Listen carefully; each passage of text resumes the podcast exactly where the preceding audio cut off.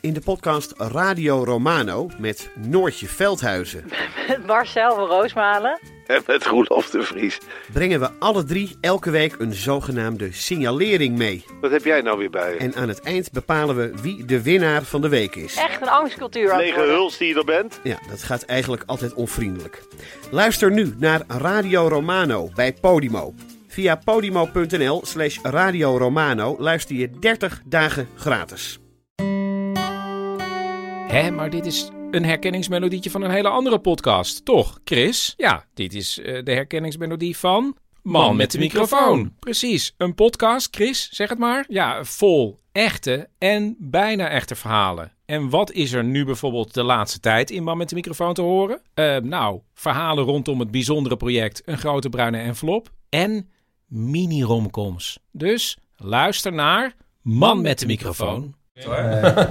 Maar ik zet hem gewoon aan, want Ja, dan eh, beginnen, we, beginnen we een soort van... We hebben, we hebben wat, eh, wat vaste rubriekjes en ik hard zo. genoeg of niet? Moet ik gewoon... Nee, je moet wel een beetje. Een beetje erbij. anders, anders, anders sta je altijd net zo zacht als Ipe. Beginnen we nu Ja. met de uitleggen aan Johan? Is dit nu hoe we beginnen? Het Ik weet niet. Ja, ik heb het wel eens geluisterd, ja. Ja. Ik heb een keer zelfs de lange geluisterd, 2,5 uur of zo. Dat Oh ja. vond ik erg leuk. Oh, mooi. Ja, daar heb je Ja. tijd voor. Nou, dan weet je wel een klein beetje hoe ja, het ongeveer ja, er elkaar zijn een paar rubrieks.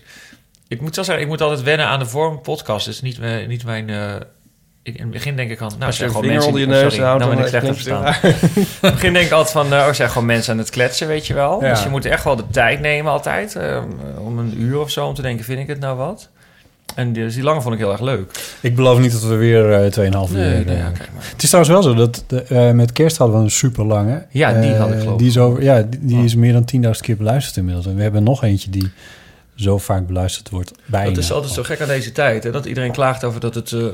de aandachtspannen is nul, weet je wel. Echt een halve seconde. Ja. En tegelijkertijd, de boeken zijn dikker dan ooit. We kijken series van 16 afleveringen, 12 eh, seizoenen lang. Ja, En eh, die kijken we in een weekend, zou ik maar zeggen. ja, Dus ergens eh, is er ook veel behoefte aan la- lang, veel. ja. ja, Ja, ja, ja, ja, misschien wel. Laat ik een officieel begin maken. Ja. Welkom bij de Eeuw van Amateur. Nee, nee, even goed. Wat? Ja.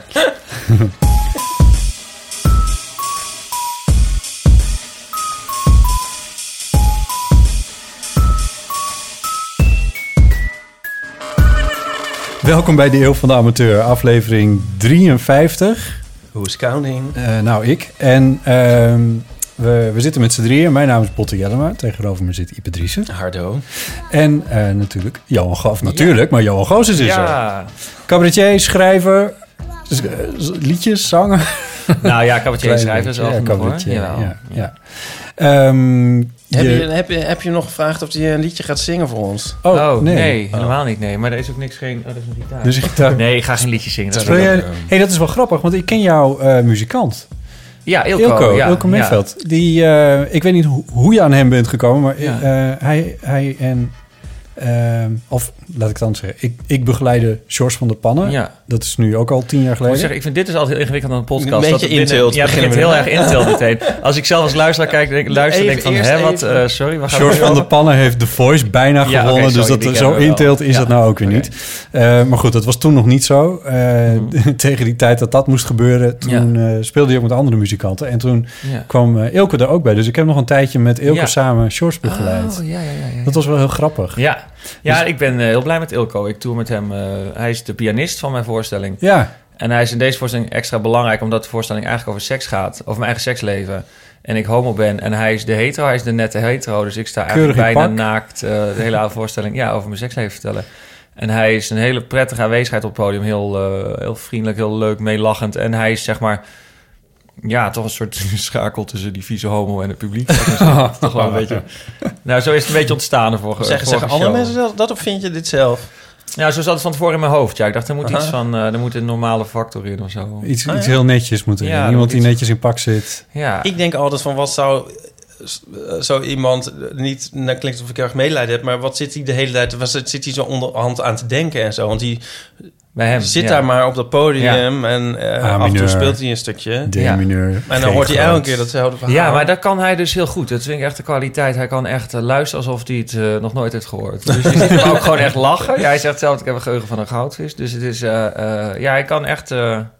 Ja, ik ben er wel dan streng in. Hij mag bijvoorbeeld, nee, goed, ik ben, hij mag bijvoorbeeld niet veel eten van tevoren, omdat hij anders inkakt. Dan zit ik hem, zie ik hem slapen achter de piano. Dus ik ben wel soms heel streng met die dingen, want hij kan achter, als ik dan, ik eet dan een half bordje of zo, en dan eh, schuift hij zijn, mijn bord naar zich toe, en dan gaat hij dat ook nog zo Ah, ja. naar binnen leven. Zeg, nou, Ilke, Dat is nu, gevaarlijk. eh, de kijkers Ja. nou, nu, eh, ja, dan gaat hij gapen en zo. Ja. Dus, maar hij is eigenlijk, ik vind daar, hij is een hele prettige aanwezigheid op het podium. Hij is ook prettig om naar te kijken. En dat is heel belangrijk. En we maken mooie melodieën en Ja. ja. En het is een hele leuke vent ook. Ja. Muzikaal ook heel slim. Dus, ja, eh, en heel ja. prettig om mee op tournee te hebben. Dat is ook heel belangrijk. Dat iemand een beetje leuk is, Ja. zou ik zeggen. Die voorstelling hebben wij dus gezien. Ja. Ja, Ja. in jouw première week, Ja. zeg ik dan maar eventjes, in, eh, in de kleine komedie. Dat was poeh, begin februari, eind januari? Ja, dat was eh, volgens mij rond 24 februari. Ja, ja. Oh ja, oh, dat is kort geleden. Ja, Ja. eind februari dus. Maar ik zat even Ja. zeggen voor de luisteraar, ik vond het echt fantastisch. Ik, Nou, ik heb me dankjewel. echt, echt bescheurd. Dat, eh, ja, dat heb ik toen ook al gezegd.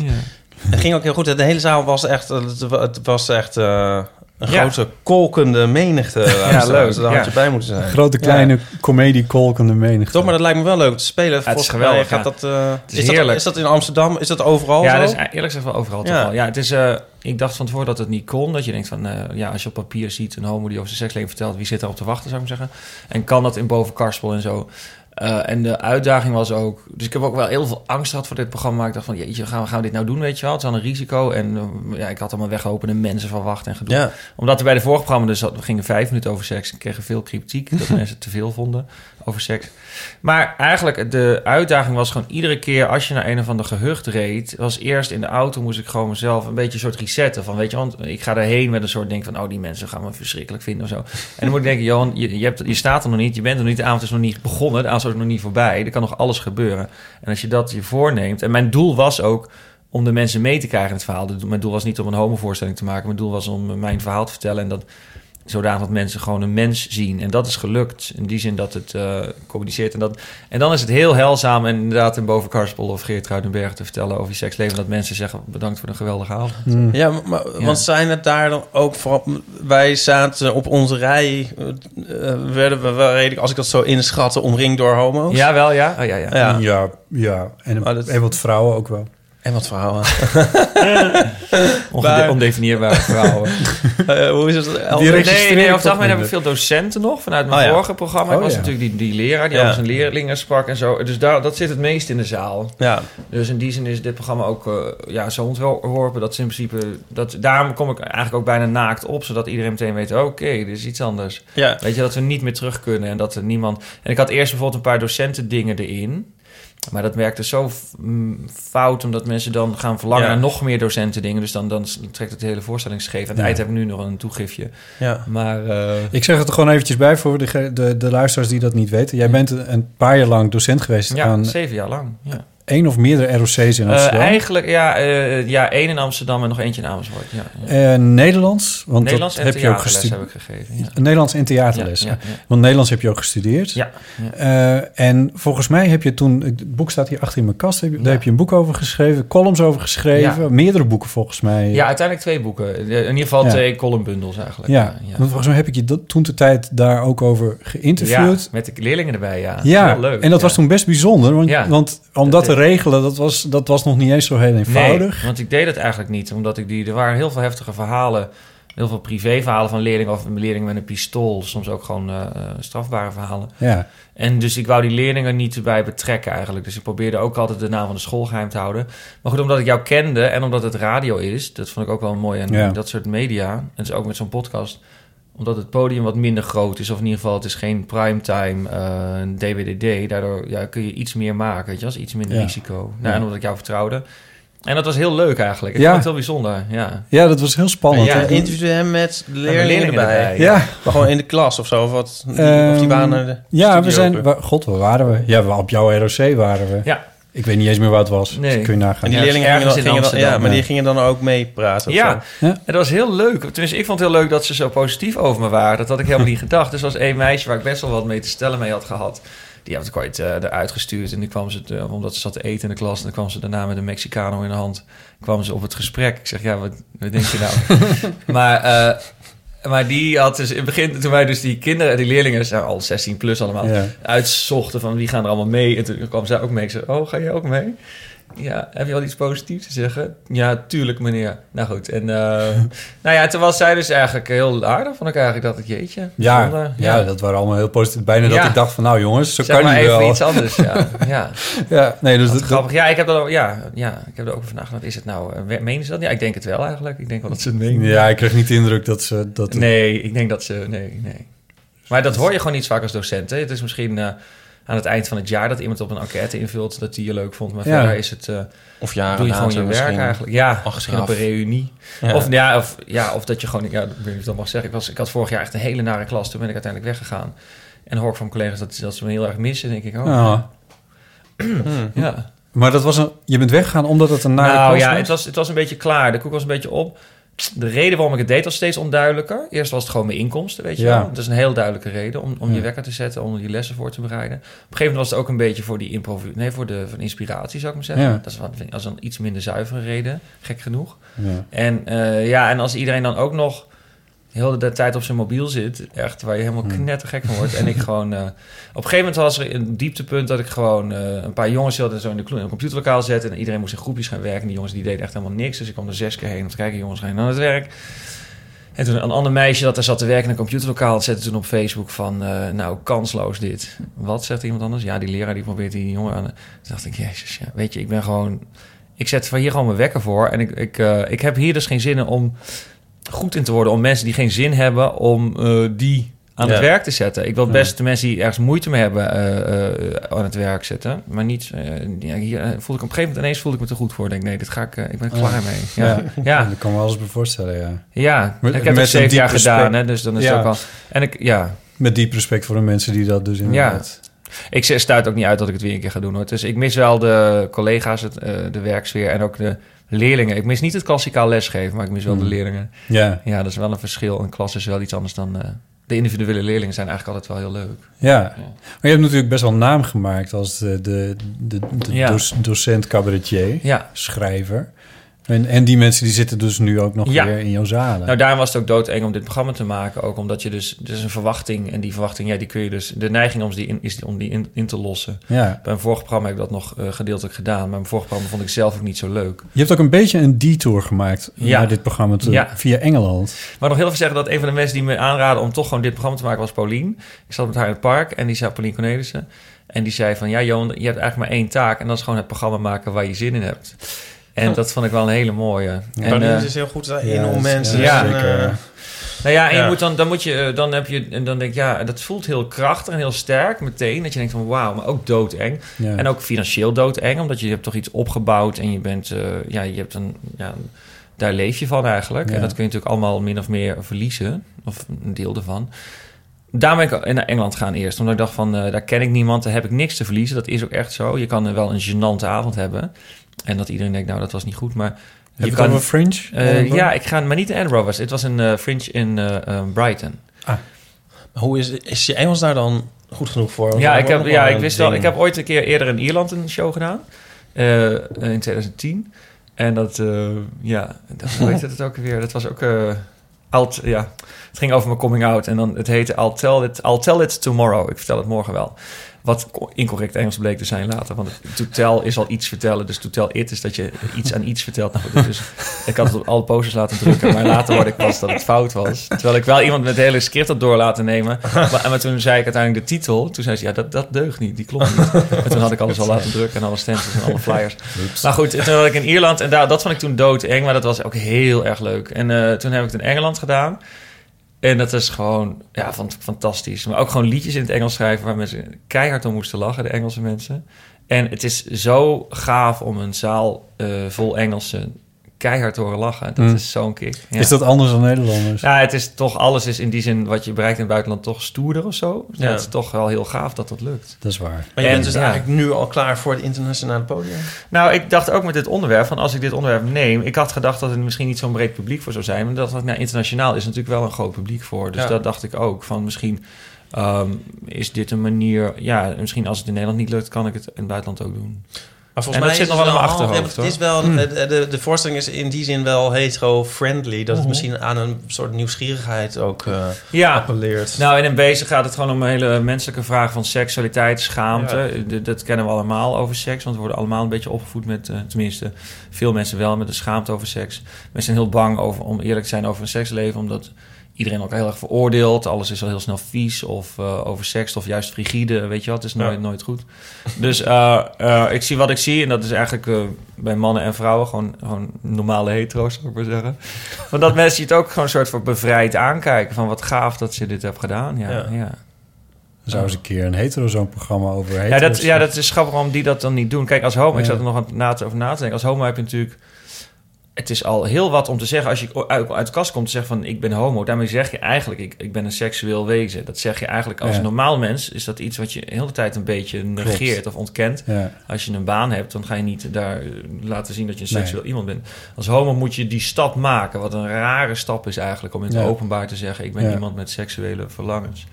En een seksleven. Dus die stap heb je al gemaakt. En, en, uh, dus, en je hebt natuurlijk heel lang over na moeten denken. Of in ieder geval om, om überhaupt die stap te maken. Want het is ook nogal een risico. Of in ieder geval, ja, ja, ja, ja, is nogal iets wat je niemand wil. Of je moet heel veel overheen. Zo. Nou, je, gaat, je, je, je, bent, je bent buiten de gebaande paden in ieder ja, geval. en dat daar moet je dus heel erg achter staan. Wil je dan echt uit de kast komen? Ik ken ja. heel veel mensen met een dubbelleven die dat dus niet doen. Dus die blijven gewoon in de kast. Of met een vrouw getrouwd of wat dan ook. Hm. Maar uh, nou, dat denk ik, dat meestal. Wacht even, ja, wacht, je hè? kent heel veel mensen die... Nou ja, ik, ja als ik uh, een beetje rondneuk hier en daar... dan merk je wel... Ja, dan kom je heel veel mensen tegen die gewoon getrouwd zijn. Of uh, ja, zeker wel. Ja. Hm. ja, die zie je heel veel.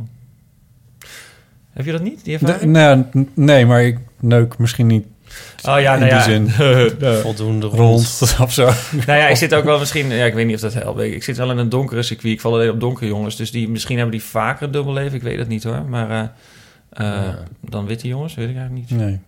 Zou kunnen, want het ligt soms, in sommige culturen wel iets lastiger. Ja, oké. Okay, ja. Uh, maar goed, ik, ik... Ja. Nou ja, en wat ook volgens mij is meespeelt, is dat als homo... Kijk, toen een vriendin, een vriendin van mij, sommige mensen om me heen zei... Ja, ga je dit echt doen? Ga je dit echt doen? En een vriendin van mij zei, ja, moet je even de risico's op een rij zetten. Wat, is, wat kan er allemaal gebeuren? Maar ook bijvoorbeeld qua persoonlijk leven. Als je ooit nog een relatie wilt. Ja. En je staat een beetje te boek als de slet uh, van Nederland. Ja, vind je dan nog degene die jij leuk vindt, zou ik maar zeggen. En als homo is die kans toch wel minder groot dat iemand daarop afknapt. Omdat wij, uh, ja, die, die, dat leven ligt daar. Daar kun je aan deelnemen of niet, weet je wel. Dat, dat mm. een beetje excessieve leven. En ik denk dat ieder homo wel soms een tijdje daaraan heeft deelgenomen. Het is niet mijn, ook niet mijn plan om dat altijd te blijven doen. Maar, nee. Uh, dus in die zin is de veroordeling daar minder groot dan uh, bij ja. hetero. Ja. Dus dat risico was er dus niet.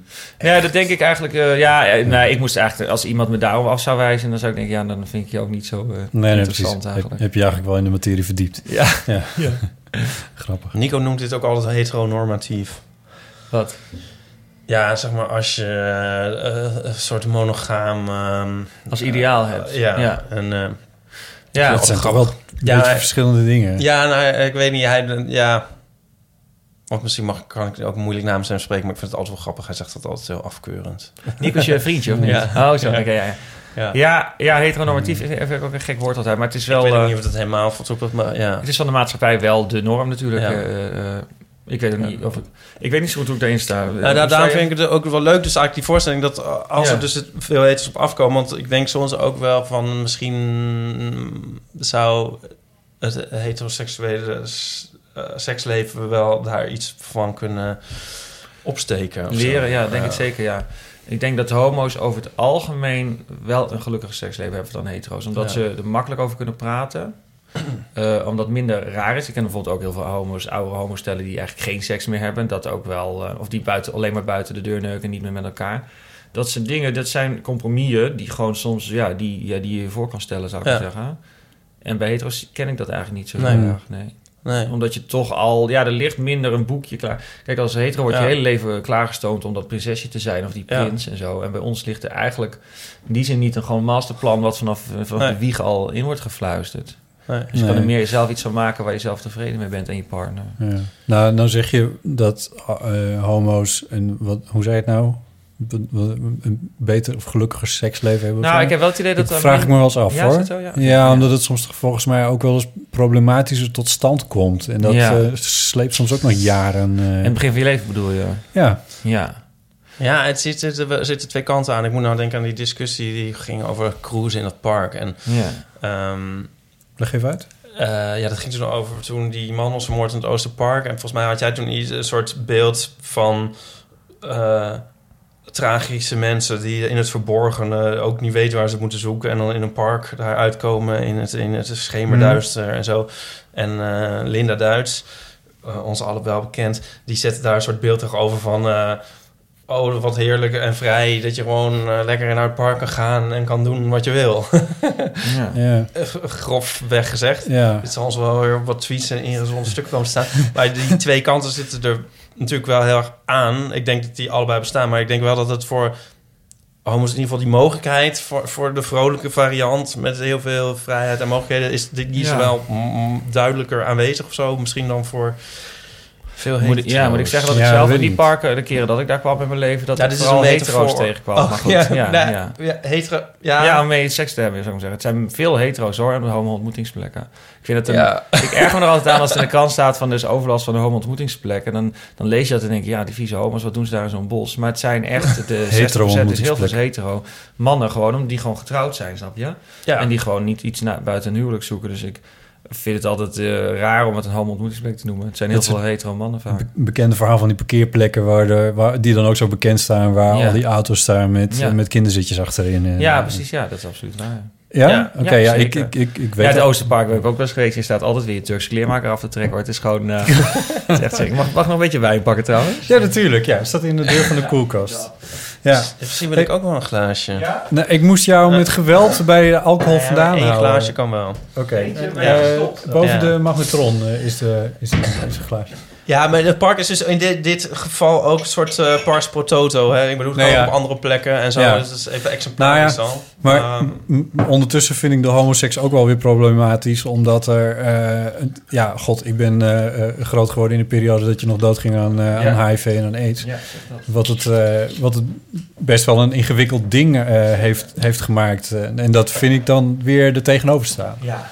Nee, dat gaat- is waar. Ik denk, eh, god, eh, hoeveel condooms ik, eh, hoeveel gedoe met condooms. Ik heb, eh vergelijking met hetero's, heb ik altijd heel veilig aan en panisch geweest altijd. Ja? Echt Ja, panisch. Ja, Ja. ja, ja. Ehm, ja, zeker.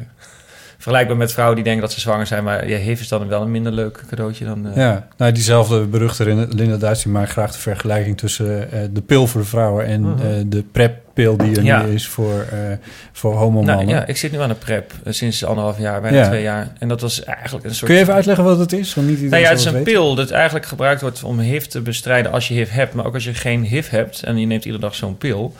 dan kun je geen HIV krijgen. Of de, die kans is bijna nul. Ja. En dat eh, wordt nu overal in de wereld, met name onder homomannen, ingevoerd. Eh, in Nederland is het nog niet vergoed.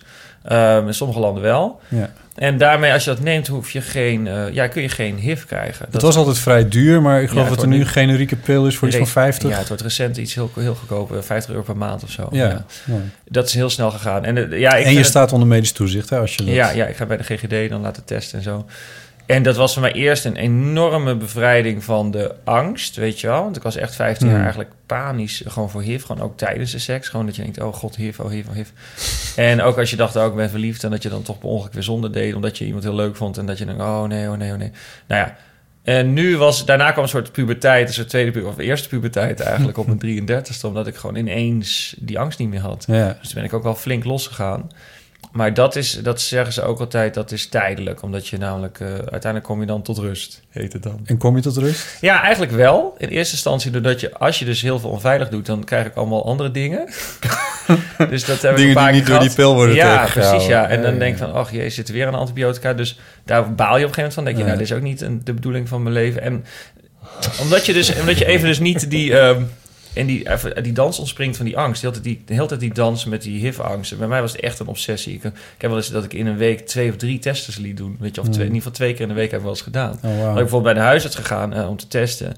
Eh, en dan zei hij, ja, dan- volgende week woensdag is de uitslag. Volgende week woensdag, weet je. En dan fietsen En we snel even naar de naar sne- sneltest. Om dan ook nog Oh, een God, kon ik het weekend rustig door. Ja. En eh, dan gingen, ja. Maar ik dacht ook dat ik het overal van kreeg. Ik was eigenlijk, eh, eigenlijk wel heel veilig. Maar wat zou ik zeggen? Ja, dus eh, ik, en ik kom ook tot rust omdat je dus niet meer in het korte termijn ding van de angst. Misschien heb ik HIV, misschien heb ik HIV. Eh, je wordt minder bang voor HIV. Daardoor denk je, stel dat je het ooit zou krijgen. Ik zou er ook minder bang voor zijn. Omdat het ook nu, het stigma wordt al heel snel minder groot. Het maakt Hmm. mij als iemand met PrEP niet uit of iemand HIV heeft of niet. Mhm. Dus dat is al in een paar jaar heel snel veranderd. En eh, dus je denkt ook op een andere manier Ja, na van... hé, hey, wat wil ik in mijn leven? Wil ik over vijf Ja. jaar nog steeds heel veel mensen neuken... of wil ik een relatie? En dan neig ik steeds meer naar de tweede, zou ik maar zeggen. Naar een leuke relatie. Ja, ja, ja. Oh, oké. Ja. Ja. sorry dat ik het... eh, ja. Nee, nee, het gaat soms heel snel. Maar eh, dit, eh, Wat ik zeg? ja, Ja, ga ik heel snel? Nee. Oh, nee hoor, nee, maar niet. niet te. Maar ik probeer, te, ik probeer het natuurlijk een beetje bij te houden. Ja. Ook omdat ik, omdat, ik, omdat ik een beetje aan dezelfde kant sta als waar jij stond eh, met, met die angst voor, ja, voor HIV. Ja, ja. Eh, wat bij mij toe heeft geleid dat ik eh, eigenlijk maar zo'n beetje half om half mee ben opgehouden met het, Ja. met het rondneuken. Omdat ik dacht van ja, dit heeft... Ik, ik ben er meer te- stress, leeft meer stress op. dan, ik ben vreselijk, Ja. vreselijk. Ik- en die, die testen vond ik ook altijd Ja. vreselijk. En eigenlijk vond ik de seks ook helemaal niet zo leuk. Nee? Nee, ook door de gewoon- angst, of niet? Ja, zeker. Ja, Ja. Nou, dat, die angst is... Ja, die... Ja, die, die, die ja. En hoe is dat nu? Ben je nu tegen? Nou, nou ja, ja, ik zit niet aan de prep. Nee. En ik, ik zou prep denk ik ook heel ingewikkeld vinden. Ik, ben in, ik was er eerst wat meer op tegen, maar ik heb dan een soort, soort draai in gemaakt. Omdat ik dacht, ja, eh, eh, het is misschien niet voor iedereen. Het is Mhm. misschien niet voor mij, maar dat betekent niet dat het voor een ander wel heel... en Ja, Wat het als voordeel heeft, is dat het werkt. ja, Het is heel simpel. Ja. En dus als daarmee de, de HIV-epidemie tot een, tot een Ja. remming kan komen, laten we het voorzichtig uitdrukken, dan zou dat al een hele grote winst zijn volgens mij. Ja, En daar kan niemand op tegen zijn, dus daar kan ik ook niet op tegen zijn. Nee. Dus ik ben wel voor, voor PrEP, alleen ik zou het zelf denk ik niet zo snel gebruiken, nee. omdat ik niet weet of ik op chemicaliën durf te vertrouwen en dan toch die seks durf te hebben op Ja. die manier. Nou ja, kijk, in het beginsel dacht ik ook... ik ga die pil nemen en ik doe het nog steeds veilig, weet je wel. Want ik dacht... want kijk, met, met een condoom dacht ik ook heel tijd van... eh, is hij nog heel, weet je Ja. Als er iemand. Ik voelde de hele tijd of hij nog heel was... of hij nog om zat en zo. Nou, dat was ook niet te doen eigenlijk. Maar, eh, dus ik dacht eerst, ik ga het allemaal veilig doen. Nou ja, daar schuif je dan wel op een gegeven moment vrij snel in op... als je echt belijft...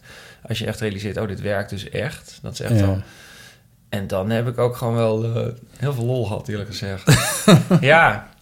Maar Ja. voor mij zou, wat, wat jij zegt, ja, voor mij zou, is seks dan te belangrijk om... Ja, ik, ja ik kan het, het, bij mij, het lukt mij niet om het dan niet te hebben of, of weinig te hebben... of daar echt heel matig in te zijn. Dat, eh, ook in de tijd dat ik heel angstig was, eh, ja, er gebeurde er wel van alles. Ja. Ja. Nou, nou is het, vind ik het interessant, want dit zit, het zit in jouw programma ook, Ja. het prep-verhaal. Ja, ja. Maar eigenlijk wel heel kort. Ja. Terwijl ik denk van, is het niet eigenlijk de totale aanleiding voor dit hele Mhm, verhaal mhm. geweest? Ja, ik denk het eigenlijk wel, ja. Ja, ik noem het heel kort. Eh, heel licht ook. Ja, je Ja. hoort het er echt over even. Oh ja, dit bestaat Ja. ook nog trouwens. Ja. Ja. ja, misschien moet ik daar nog een zinnetje aan toevoegen, ja. Nou, weet ik niet. Maar het is, kijk, het, ja, de- ja, je kan een, verschillende, een programma op verschillende manieren opbouwen. Je kan of zeggen, hé, hey, er is me iets overkomen. Ik, ik was altijd bang voor HIV, nu neem ik PrEP. Ja. Eh, maar dat is niet de opbouw van het programma, omdat het toch een soort... Ja, je zoekt toch naar een soort trechtervorm waarin iedereen dan samen... Als ik meteen in de eerste minuut begin over PrEP, dan, ja, dan, dan wordt het echt een homo-programma. Dus in die zin, het is voor mij de aanleiding absoluut om dat leven te hebben ook. Een wilde leven een tijdje. Ja. En, eh, maar het is ook breder, hè? want het gaat ook vanaf mijn, eh, van mijn kleuterschool. Het gaat eigenlijk... eh, een van de inspiratiebronnen was ook Gert Hekma. Die heeft ooit bijvoorbeeld bij een ehm, college... heeft hij ooit... Ik was daar niet bij, maar dat hoor ik van vriendinnen. Die zeiden van... eh, ja, nu moest je een seksuele biografie van je leven schrijven. Hè? Hoe, hoe, eh, dus nou, wat jij zegt van zo'n periodes dat je bang bent... of dat je heel weinig... of dat je periodes dat je veel doet. Nou, dus eh, vanaf jongs af aan... of vanaf dat Ja. je seksueel actief bent... En dat vond ik zo'n fascinerend gegeven. Dacht Ja. ik, ja, het is, kijk, je seksleven verandert gewoon in de loop van je leven.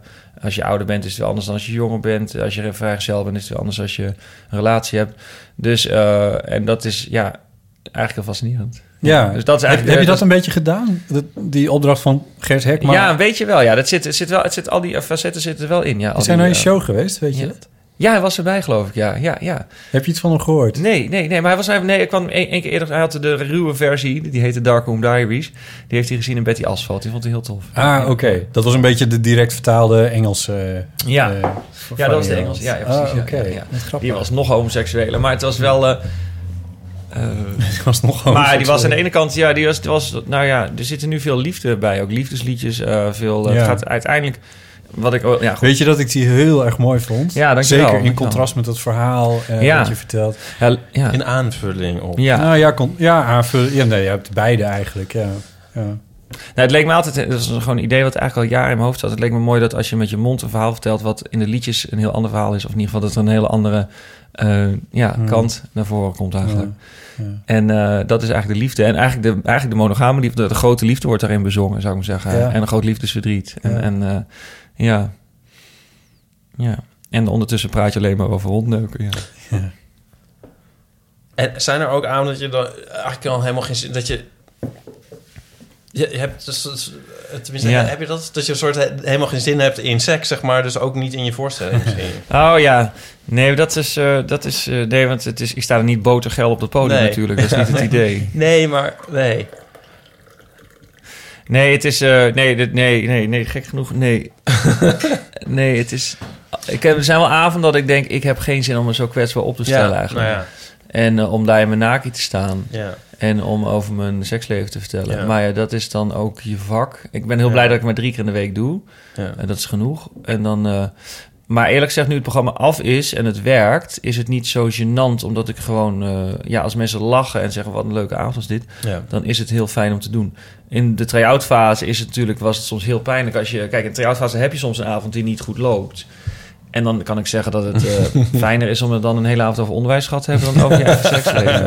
Ja. Maar je bent er nu dus mee op tournee naar, naar Ja. eh, Abbekerk en noem het allemaal op. Ja. Eh, en wat, wat voor reacties krijg je nu? Dus ben jij iemand die na afloop voor Ja, lezing ja altijd, altijd, ja. Oké. Maar ik zeg dan nu ook voor de gein, want ik verkoop dan een boekje naar de voorstelling. Ik zeg van, jullie mogen me gewoon aanspreken, want bij de vorige programma ging dat heel makkelijk, maar bij dit programma iets minder. Maar dat is ook waar, in het begin stond ik met mijn eentje in de foyer. Ik wist niet wat me overkwam. Want normaal, normaal kwamen altijd mensen, ik was natuurlijk een van hun, hè. Ik was ook Ja, een leraar en dan kwamen Ja, mensen met een verhaal over een klas. Ja. En nu eh, er komen eigenlijk weinig mensen met een verhaal over hun seksleven naar me toe. maar eh, het gaat, eh, nee, dat gaat steeds beter. Ik, ik, ik meng me altijd om het publiek, want ik- omdat ik zelf nooit zo tevreden ben over de voorstelling, dan moet je, mijn ervaring is dat je altijd dan, als je mensen spreekt, dat het dan heel erg meevalt. Ja.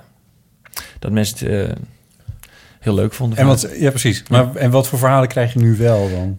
Eh, nou ja, vaak haken de mensen dan toch op dat ene onderwijsstukje aan. Van, Oh, eh, toch? Vond het allemaal zo herkenbaar, want ik geef ook les. Ja, ja, ja. ja, ja. Dat zou je net zien. Krijg je niet gewoon groepjes? Er moet toch elke avond ook wel iemand in de zaal zitten die Nee, denkt maar- van... dan kom ik ook in aanmerking. Eh, nee, want ja, ik val alleen op donkere jongens. Die zitten ook Ah, niet zoveel in het theater. Het theater is heel Ja, wit. Ja.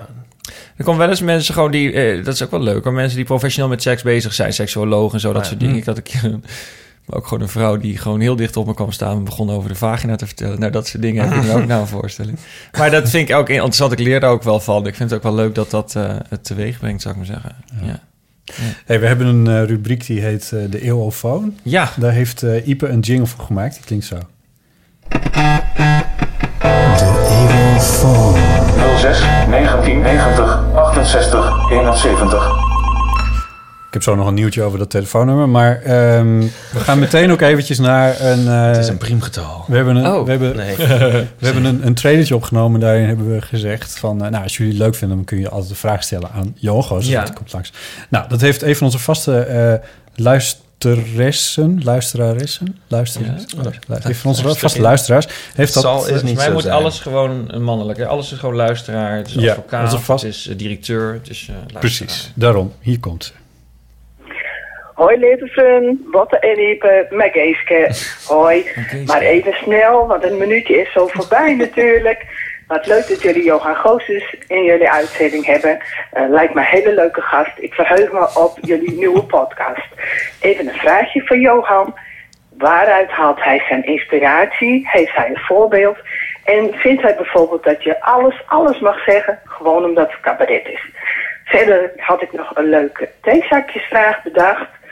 Als jij voor een dag de presentator mag zijn van VPRO Zomergasten, wie zou jij dan graag willen interviewen? Dat was het voor deze keer. Hey, fijne uitzending, veel plezier jongens. En dikke tutut Ljouwert. Doei! Keeske, ja. ja. Ja. Dus, eh, twee vragen. Ehm eh, eerste aan jou. ehm, eh, waar haal je je Uit inspiratie mijn nachtleven. vandaan? Uit je nachtleven, Nee, gewoon is- uit je echte leven. Ik vind dit de lastige vraag. Dit, dit is echt, als je dus, eh, dat ik, ik zeg op feestjes niet vaak, als mensen me niet kennen, dan zeg ik niet dat ik cabaretier ben. Ik zei altijd dat ik leraar was, want dan krijg je dit soort vragen niet. Nee. Van- maar dit zijn de twee vragen die mensen altijd zeggen. wat is je inspiratie En wie is je eh, voorbeeld? voorbeeld? En dan voordat je dan eh, gaat zeggen wat je voorbeeld is, gaan zij beginnen dat ze Guido Wijers heel erg leuk vinden. Ah, en dan beginnen ze daar over een scène van Guido Wijers die ze dan niet helemaal goed herinneren. Gaan ze dan hakkelend lopen oprakelen en dan sta ik daar op zo'n feestje. Dat klinkt nu een beetje arrogant misschien, maar het is leuker als je zegt ik ben leraar. Dan kan beginnen mensen over hun favoriete leraar of over hoe is dat dan. En eh, dan heb je eigenlijk een leuker gesprek dan als Ja. cabaretier. Ja. Eh, nou ja, Maar los daarvan. Ja, Ja. los daarvan. Ja, ik haal mijn inspiratie haal je eigenlijk altijd in mijn, in mijn dagelijks leven. Eh, ja, gewoon eh, dingen die ik meemaak of hoor of zie. Het is niet zo dat je inspiratie uit een film haalt of uit een... eh, ik weet niet hoe dat bij jou zit, Ipe. Maar eh. Nou, precies hetzelfde. niet uit een kunstproduct haal ik het eigenlijk zelden eigenlijk. Eh, eigenlijk alleen maar uit het... Nee, het enige wat ik wel heb is... ehm, hoe zeg je dat? Dat je me- meer een soort motivatie haal ik uit eh, film en zo. Ja. Dat je denkt van... Oh ja, ik moet, ook, ik moet wel weer even iets gaan doen. Ah ja. Maar de in- inspiratie zelf... Die eh, haal ik eigenlijk eh, uit het dagelijks leven, ja. Ik haal die motivatie vaak als iets, eh, als ik iets zie wat niet zo goed is, of een half af, nou, nou, maar net niet goed, weet je. Als je een half af lied hoort, dan denk je, ja, daar zit wel wat in. Ja, dat is wel dat een leuk ook. idee, of je hoort een leuk idee, Ja. dan denk ik, ja, dat is wel een, maar het is heel slecht uitgewerkt. Maar Met dat, muziek had ik wel eens... ehm, de, want ik maakte ook nog wel eens muziek vroeger. Dan verstond ik iets verkeerd. Dus dan dacht ik, hey, dat, is, dat is goed. Dacht ik dan. En dan dacht ik, oh nee, ik heb het, oh nee. Als je het dan nog een keer hoort, dat ja. was het helemaal niet. En dan, eh, oh, dan doe ik dat. Met teksten. Ja, ja, ja, ja, ja, ja. Maar goed, dat is eh, alsof dat elke dag gebeurt. Maar eh, nee, ik heb toch meer, iets, iets meer inspiratie van... Nou, misschien had ik het vroeger. Maar tegenwoordig ik denk ik iets meer van wel echt goede dingen. Mooie dingen. Mhm. Maar w- w- je Ja. zei net bijvoorbeeld ook van... Maar ook wel trouwens, van- zoals jouw voorstelling... Dit klinkt Mhm. nou een beetje slijmerig. Maar dan denk ik ook wel van... ik heb vaak als ik jaloers ben o- Mhm. op iets... dan denk ik van, oh ja, fuck, ik moet nou ook weer iets gaan doen. Ja, dat vind ik een hele lastig om van daaruit te werken. Omdat je dus dingen... Ja, dus net als bijvoorbeeld als je een, een natuurfilm ziet... dan denk ik, dit is zo mooi. Waarom zou ik ooit nog iets op het podium doen? Dus ik moet gewoon deze film laten zien. Weet Ja? je? ja dat vind ik wel. Dat vind ik zo Ah. verbijsterend en mooi. En ik van... eh, waarom zou ik überhaupt nog iets gaan doen? Ja? Dus ja, ik van, als Nee, iets maar te mooi is, dan oh. word ik het wel... eh, Maar daar ben ik er toch iets te arrogant voor. Want ik, ik denk dan van... Je, ik, het mechanisme dat ik iets doe... en iemand anders het mooi vindt... bestaat op zich wel. Ja, ja. Dus dan denk ik van... maar dan ga ik gewoon nu weer elke weer even wat doen... en mijn best doen. Ja. Nee, het is wel heel inspirerend om te zien dat iets heel mooi kan zijn. Heb, zijn jullie ook, heb ik jullie, of jouw botten, jij zit in mijn telefoon, hè? Heb ik jou dat eh, Sarah Kendall gestuurd? Dat eh, stukje, die link? Oeh, dat weet ik zo Zo'n niet meer. verhalenvertelster. Ja, ik ben dan wild van haar. Ik vind haar geweldig. En op BBC 4 staan nu drie eh, half uur verhalen van haar. Ze gaat ons online, on stage vertelt ze verhalen over haar leven. Eh, als audio? Of, ja, als audio. ah, ja, dat is heel erg mooi. Deel 1 vind ik bijvoorbeeld prachtig. Eh, AD in oktober, geloof ik. En Dit, dit komt in de show notes. Sarah Kendall. Ja, het is wel echt... Een, ik zou het zeer aanraden. Ik heb ja, dus een aantal mensen in mijn halve Facebook of halve WhatsApp eh, vriendengroep heb ik dat gestuurd. Maar ja, ik denk jou ook, maar eh, misschien niet. Maar ik iedereen waarvan ik dacht, die houdt er misschien van. Maar goed, dus Ja. da- dat is wel... Ik zag haar optreden in Edinburgh. Eerst in Toomler, maar toen moest ik die avond presenteren. Dus dan zie je het niet alles. Omdat ik haar aan moest kondigen. Zo, dan ben je ook een beetje geconcentreerd. Maar daarna ging ik naar Edinburgh om haar te zien. En ik stond echt te trillen op mijn been naar de hand. Ik vond het zo ontroerend en zo bijzonder. Ja. En, het wat, is- wat was het dan in haar? zij is een comedian van huis uit, maar ze wordt steeds minder grappig. Die zin, dat klinkt misschien niet als aanprijzing, maar ze vertelt gewoon een echt een mooi verhaal met waar, echt, eh, waar je echt om moet lachen, maar ook gewoon echt eh, rillingen van over je rug lopen. Ja, het is echt prachtig. Gaaf. Oh, dit Ja. is wel een- En dat vond ik heel inspiratie. Dan denk ik van wauw, zo mooi kan het zijn. Ja, gewoon een Ja. verhaal vertellen. Ja. Ja. Dat, vond- ik vond het ook wel tof aan jouw verhaal bij Echt Gebeurd, moet ik zeggen. Oh ja. Want ook niet om te gillen was. Welke over die ex of niet? Nee, over die eh, Afrikaanse Afrika. kinderen. Ja, ja, ja, ja, ja, ja. Ja, vond ik eh, tof. Je, je hebt het een paar keer gedaan, echt gebeurd. Ja, ja. zeker. Dat is voor mij altijd een. Eh, Eentje zou je daadwerkelijk in tranen schiet als je op ja, het podium ja, staat. maar nou ja, Micha Wertheim zei, ja, dat doet Johan iedere keer. Want ik moet eigenlijk iedere keer eigenlijk huilen. Ja. Eh, en één keer, maar de één keer was het verhaal over die ex. En toen, bij, die, bij ook dat Afrika-verhaal moest ik ook huilen aan het eind. Maar dat, hebben ze, dat wou ik ook eruit knippen. Maar toen zei ze, nee, dat moet erin blijven. En bij die ex moest ik natuurlijk ook huilen. Maar dat was toen ook nog heel vers. Maar ik was toen een voorstelling aan het maken, mijn vorige voorstelling. Toen dacht ik, ja, het is nog te vers om het in de voorstelling te doen. Maar toen dacht ik, ja, weet je, bij cabaret is het zo. Wanneer is mijn volgende show? Dat is over drie jaar. Dan denk ik, ja, ga ik dan over drie jaar over, nog over mijn ex praten? Dat vind ik ook wel... eh, ik Mm, hoop dat ik er dan toch een beetje eh, overheen ben. Ja. En dan is er echt gebeurd een hele mooie tussenstation. Omdat je daar eh, mag het, hoeft het niet grappig te zijn. Daar Nee. mag je dicht bij emoties zitten. En ik dacht wel toen ik van huis weg fietste, dacht van, oh god, ehm, hou ik het droog, weet je wel. En toen dacht Mm. ik in mijn hoofd van, ja, ik kan me twee dingen voornemen. Of ik kan mezelf voornemen, joh, je mag niet gaan huilen. Of, of ik kan me voornemen, wat er ook gebeurt, je maakt je verhaal gewoon af. En toen heb ik voor dat tweede gekozen. En dat, eh, ja, dat werkte wel, ja. Ja, Dat is een heel mooi in ieder geval. Ja, dankjewel. dus die is ook aan te raden. Eh, kunnen we die Sarah, ik vergeet haar achternaam nu even. Sarah Kendall. Kendall, eh, Ja. als eh Geeske antwoord geven als een inspiratie voor je. ja, dat zeker wel voorbeeld? hoor. Ja, die zou ik zeker eens luisteren. ja. En ze vroeg ook nog wat, of, je, of je van mening bent dat je op het podium alles mag zeggen. Zo, hoe formuleer je het nou? Omdat het cabaret is, mag je alles... Ja, dat is een hele lange discussie. In principe vind ik dat je alles mag zeggen, ja, absoluut. Ik Ja. vind het podium een vrijplaats. Maar er zijn wel een soort van ethische, nou, ethische normen zou ik niet zeggen, maar het is wel zo dat het publiek je moet vertrouwen voordat je iets kan zeggen. Dus dat je als je opkomt en je maakt een harde grap over joden of wat dan ook, of over pe of, eh, een pedofiele grap, wat dan ook. Ja, dat is niet handig of zo. Nee. Eh, mensen moeten je eerst vertrouwen voordat je die grens op kan zoeken. Ja. En het publiek is daarin ook, die stuurt jou bij. Ik heb ooit een voorstelling gehad voor een school in Amsterdam. eh, over mijn, eh, ik had die, school, die, die show over die leerlingen en zo. En dan maak ik dingen, grappen die, eh, die neigen naar racisme of die neigen naar islamofobie. Of niet, of die, die zitten op het Mhm. randje, weet je wel. Mhm. Ja, je en zit die toch worden op het ROC en je maakt Ja. er van alles mee. Ja, hè? maar die grappen die, die, die zitten op de rand. En het publiek is daarin, ehm, die, die corrigeert mij door hun lach. Als zij lachen van, oh, dat is grof. Ja. Dan wordt het weer genormaliseerd. Op een gegeven moment was ik op een school in Amsterdam. Dat is die... eh, Wacht even, dus ja. daar hoef jij zelf dan niks meer aan te doen. Die, die lach is al de compensatie Ja. voor... Oké. Dat is in principe Ja. de normalisering van het feit dat we dit eigenlijk te ver vinden Mhm. gaan. En, eh, maar ik heb één keer dus, tot mijn schrik, stond ik op een school in Amsterdam-West. Ehm, dat is zo'n nieuwe school. Dat was eerst een eh, hele slechte school. Er staan heel veel Marokkanen, die zitten erop. En het was een... eh, en, maar, maar dat was een heel raar... Ik vond een hele rare sfeer al bij binnenkomst. Er was heel veel agressie. En er was die, de lerarenkorps voelde zeer onveilig. Eh, onveilige sfeer, zou ik maar zeggen. En toen begon het met... Het was helft ongeveer Nederlands, helft Marokkaans achter. Maar in ieder geval, dus er was geen een- eenduidige sfeer. En ik begon met mijn voorstelling en er begon een deel van het publiek dus keihard te lachen om, bij wijze van spreken, plat gezegd, mijn Marokkanen grappen. Maar zo, op zo'n manier dat ik dacht van, ja, dit is niet de bedoeling eigenlijk, dat je Nee. er zo snoeihard om lacht eigenlijk. Dus het werd niet gecorrigeerd. En daar heb ik later ook klachten over gekregen van die school, van ja, het was zo, eh, ja, we vonden het, eh, dat het mensen uitgesloten werden. En toen dacht ik, Ja. toen heb ik Ja. bal bij hun teruggelegd. Dus ja, het ligt- probleem ligt wat mij betreft bij jullie. Normaal gesproken, als ik te ver ga, hoor je mensen denken van dit gaat te ver. En Snapten ze dat? Nou, ik heb er niet meer een reactie op gehad. Maar ik heb daar wel... Nee, ik heb niet meer eh, gehoord. Nee. Nee.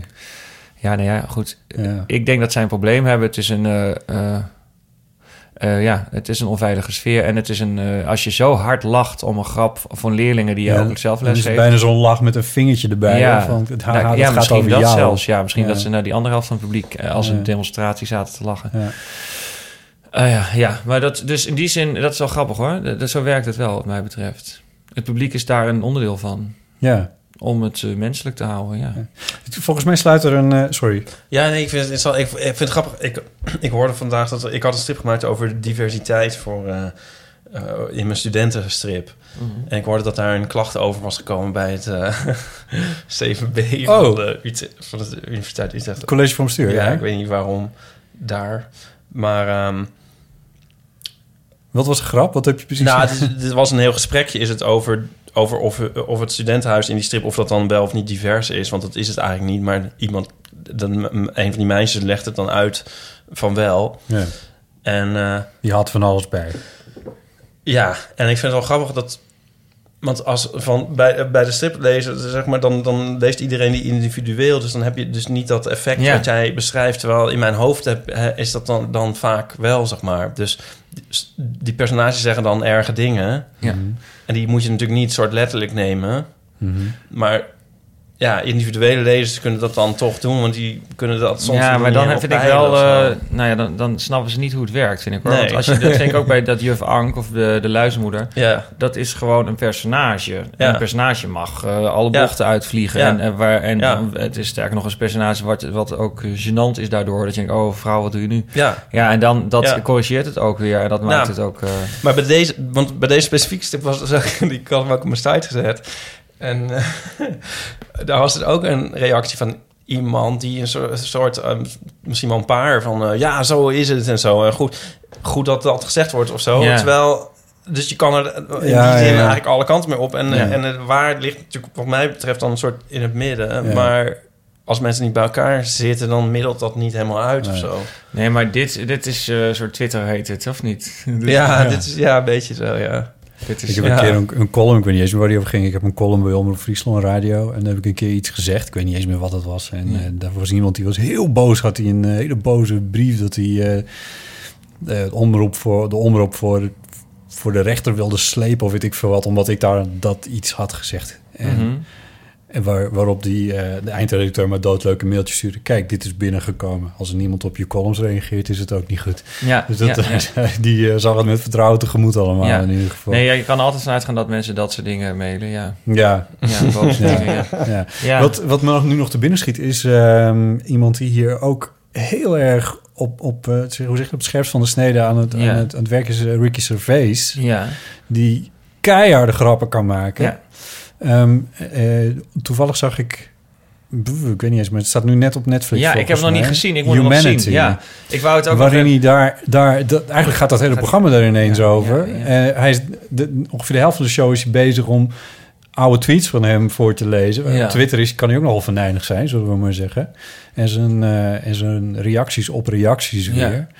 Ehm, ik was het niet op alle punten met hem eens hoe hij daarover ging, maar hij, hij, hij was wel een heel groot pleitbezorger voor het vrije woord, zullen we Ja. maar zeggen. Ja, dat vind ik, ja. Nee, ik heb hem niet gezien, maar dat is ook omdat ik, ik wou hem... eh, hij was in Amsterdam en ik wist dat hij kwam.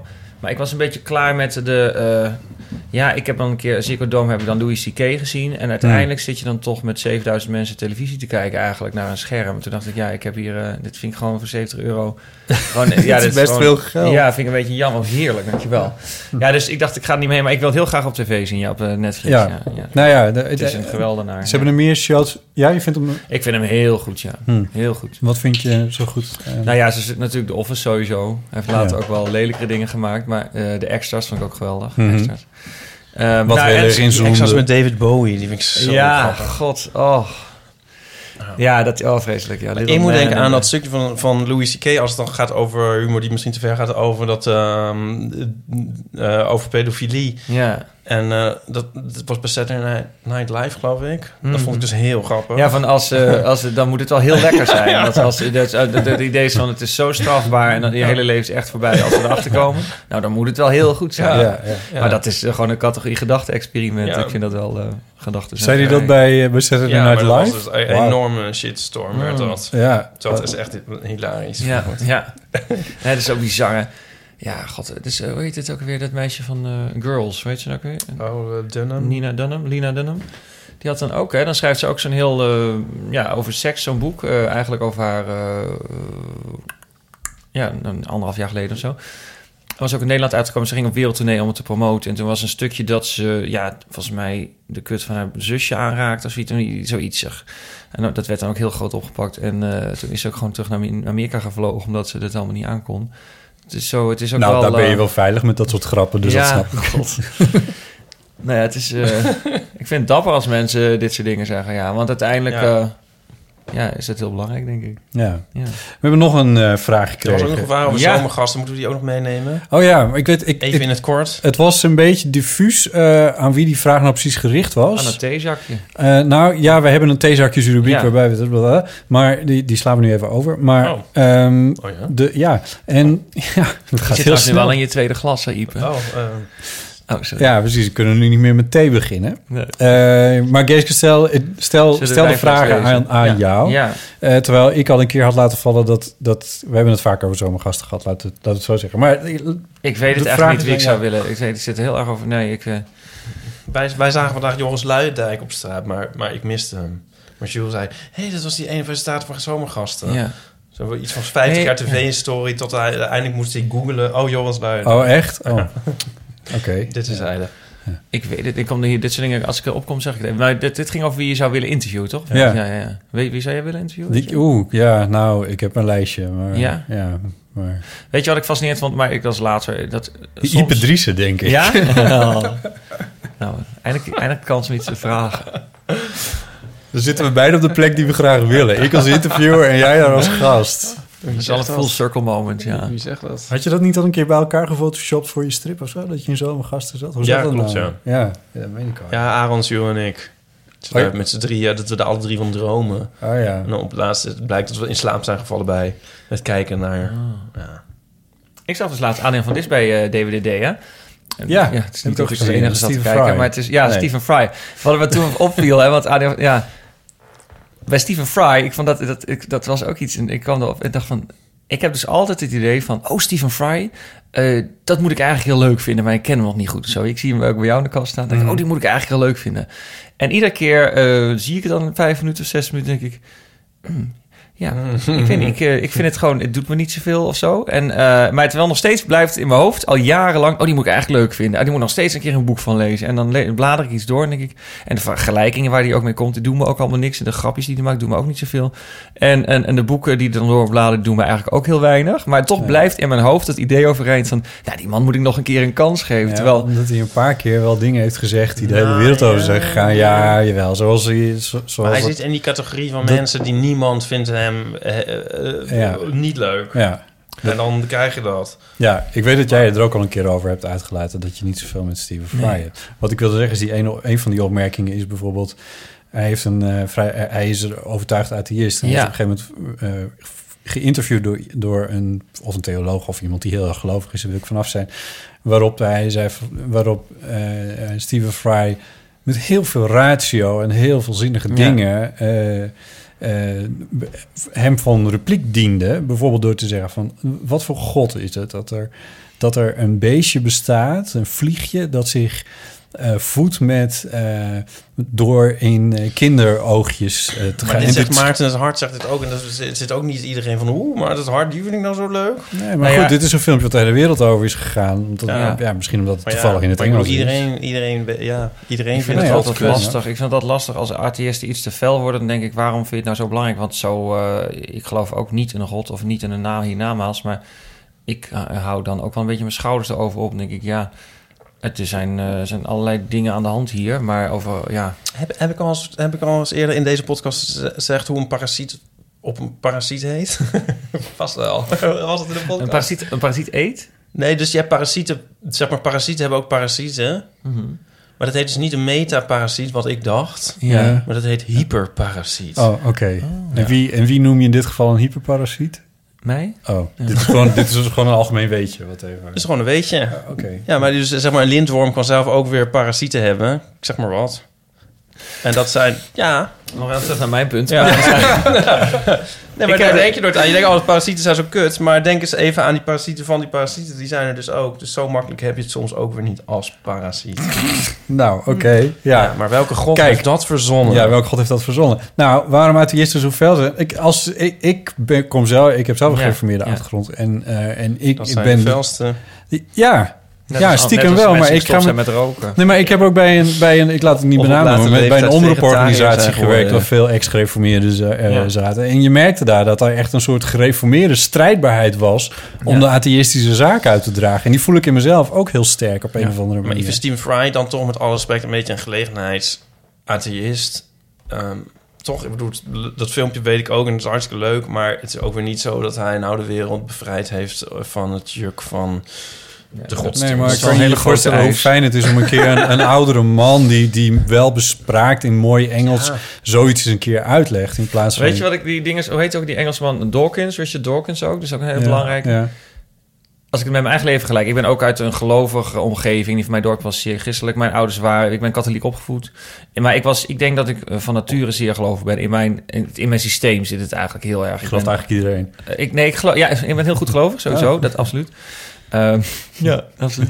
En ik heb gewoon, eh, ik weet niet, ik heb een soort talent voor religie. Dat geloof ik. Ik heb een talent om te geloven dat er een God is en dat er een hiernamaals is. Ik heb te- daar talent voor. In Dat is plaats van dominee te worden, ga je in je naakje Dat is ook Ja. dat is een, een soort... Kijk, religie is namelijk ontstaat altijd en overal. Het is een soort menselijk talent überhaupt. Zeg maar. Absoluut. het is de meest menselijke eigenschap die er is. En Ja. daarom vind ik het ook een bijzondere eigenschap. Het is namelijk, eh, dieren die gaan niet een godheid verzinnen. Wij zijn de enigen die iets gaan verzinnen wat er niet is. En dat vind ik het bijzonder aan gods, eh, go- godsdienst. Wij verzinnen niet alleen iets wat er niet is, maar we hebben er ook nog een relatie mee. Want het, als je mensen, gelovige mensen hoort, die, die, die zijn teleurgesteld in hun god. Ze, ze houden van hun god. Ze zijn bang voor hun god. Dat is gewoon een relatie Ja. met iets wat niet bestaat. Dat vind ik heel bijzonder. Ja, maar ik zeg dan altijd als rechtgeaarde atheïst... van ja, we hebben dat... mensen verzinnen dat en verzinnen het overal en nergens... omdat ze te lui zijn om uit te zoeken hoe de dingen wel daadwerkelijk in elkaar Nee, ik denk, ik denk dat die diepe... Ik denk, het enige negatieve aan godsdienst vind ik wel de machtsmisbruik van de kerk, dat soort dingen. Maar ik Nou vind ja, het feit dat je wil geloven, dat vind ik een zeer menselijke aangelegenheid. En die kun je ook niet uitbannen, daar ben ik zeer van overtuigd. Ik vind wel iets anders veel lastiger bij godsdienst... is dat je dus niet meer gaat uitzoeken hoe dingen echt zitten. En in die zin vind ik godsdienst toch wel een soort... eh, Ja, toch? die kan wetenschap wel echt in de weg zitten. Ja. Zo van nee, want God heeft het alles geschapen, dus dat is alles wat je hoeft te weten, zeg maar. En de, en de, en de zon draait om de aarde. En die, dat, dat vind Maar dat dat ik zeg dat, dat beetje bij, een som- lastig bij, som- bij sommige atheïsten dan ik vond ik eh, eh, me vrijgemaakt een beetje uit dat gedachte, uit ook mijn eigen talent Mhm. voor religie. Maar eh, want ik, in mijn puberteit, toen ik dacht ik ben homo, ben ik dat ook uit gaan zoeken. Hè? Ben ik echt met Jehovah's getuigen gegaan en alles. Dat is in ieder geval nee, maar wel al die boekjes gaan lezen en met hem mee naar die vieringen en zo. Ik ben naar Jomanda gegaan jarenlang. Daar was ik echt totaal fan Serieus? van. Ja, zeker. Ja, ja, ja. En ehm, dus ik heb heel veel dingen uitgezocht. Ja, Om- ook, om, om- ook omdat ik eh, bang was, want ik ben homo en ik wil niet in de hel belanden. En eh, ja, weet je wel, moet je, wat moet je dan doen? Hè? Moet je dan het lichaamsdeel wat jou eh, tot de zonde, moet je die dan afsnijden en wegwerpen? Dat staat namelijk in de Bijbel. En toen dacht ik, ja, jezus, dat lijkt me, dat, lijkt me wel heftig. Maar ik heb het wel echt, die, zover ben ik wel ingegaan om het allemaal uit te zoeken. En uiteindelijk wou ik eh, bijvoorbeeld de Bijbel ontkrachten met eh, ja, heel veel eh, argumenten uit de Bijbel of over de ontstaan van de Bijbel. En ik vind het heel fijn dat ik mijn 35ste die behoefte niet meer heb. Ik denk, ja, die Bijbel, dat geloof ik al wel. Het is gewoon een boek. Hartstikke mooi boek, leuk en aardig. Maar ik, ik, de, de, de energie die erin steekt om zoiets te ontkrachten... Zoals een Richard Dawkins. En denk ik ook altijd van ja, het is ook gewoon maar een boek, jongens. Het is, eh, maar goed, heel Ja. veel mensen worden het zeer serieus. Dat vind ik heel knap dat je dat kan. Ik, eh, ik maak deze dagen een paar reportages voor een Radio 4-programma... in het kader van de Matthäus Passion. We zitten een beetje in het, Ja. tegen de Pasen aan natuurlijk. En dan dus ik sta weer met allemaal... Ik, ik, ik krijg, krijg die Matthäus weer helemaal over me heen. Dat is nu al twee keer gebeurd. Eh, en, en elke keer voel ik in mezelf dus weer die weerstand daartegen. Dat ik denk van, ja jongens, Bach, prima, leuk. Maar eh, dat verhaal, ach, houd toch op. Oh toch ja, op. grappig. Maar dan heb je er ook persoonlijk nare herinneringen aan eigenlijk. Nou, ja, het is gewoon niet positief. We het moeten maar- echt een keer Floris van den Berg uitnodigen. Dat is Nederlands grootste atheïst. Oh, daar kan ik dan de Daar beste zo vrienden goed- mee daar zou je worden. zo goed mee Ja, kunnen vinden. Die ja. zat ook in het programma Rot op met je religie van de EO als de atheïst. Ik heb, Eh, dan, ik, ik heb, ja. wel- ja, ik heb wel eens dat je dan... Sorry, oh. nee? Ik was laatst nog een keer naar zo'n klapkerk, naar zo'n zwarte klapkerk... met een vriend van mij mee. Op het uh, Rembrandtplein zit dat in Escape. Gewoon in Escape heb je gewoon Oh, ja. een, eh, een klapkerk op Ja. eh, zondagochtend. En, Een eh, klapkerk bedoel je dat ze meeklappen met de muziek? en- Ja, een beetje, een beetje zwart. Nou, het is niet half zwart, maar het is half zwart en veel...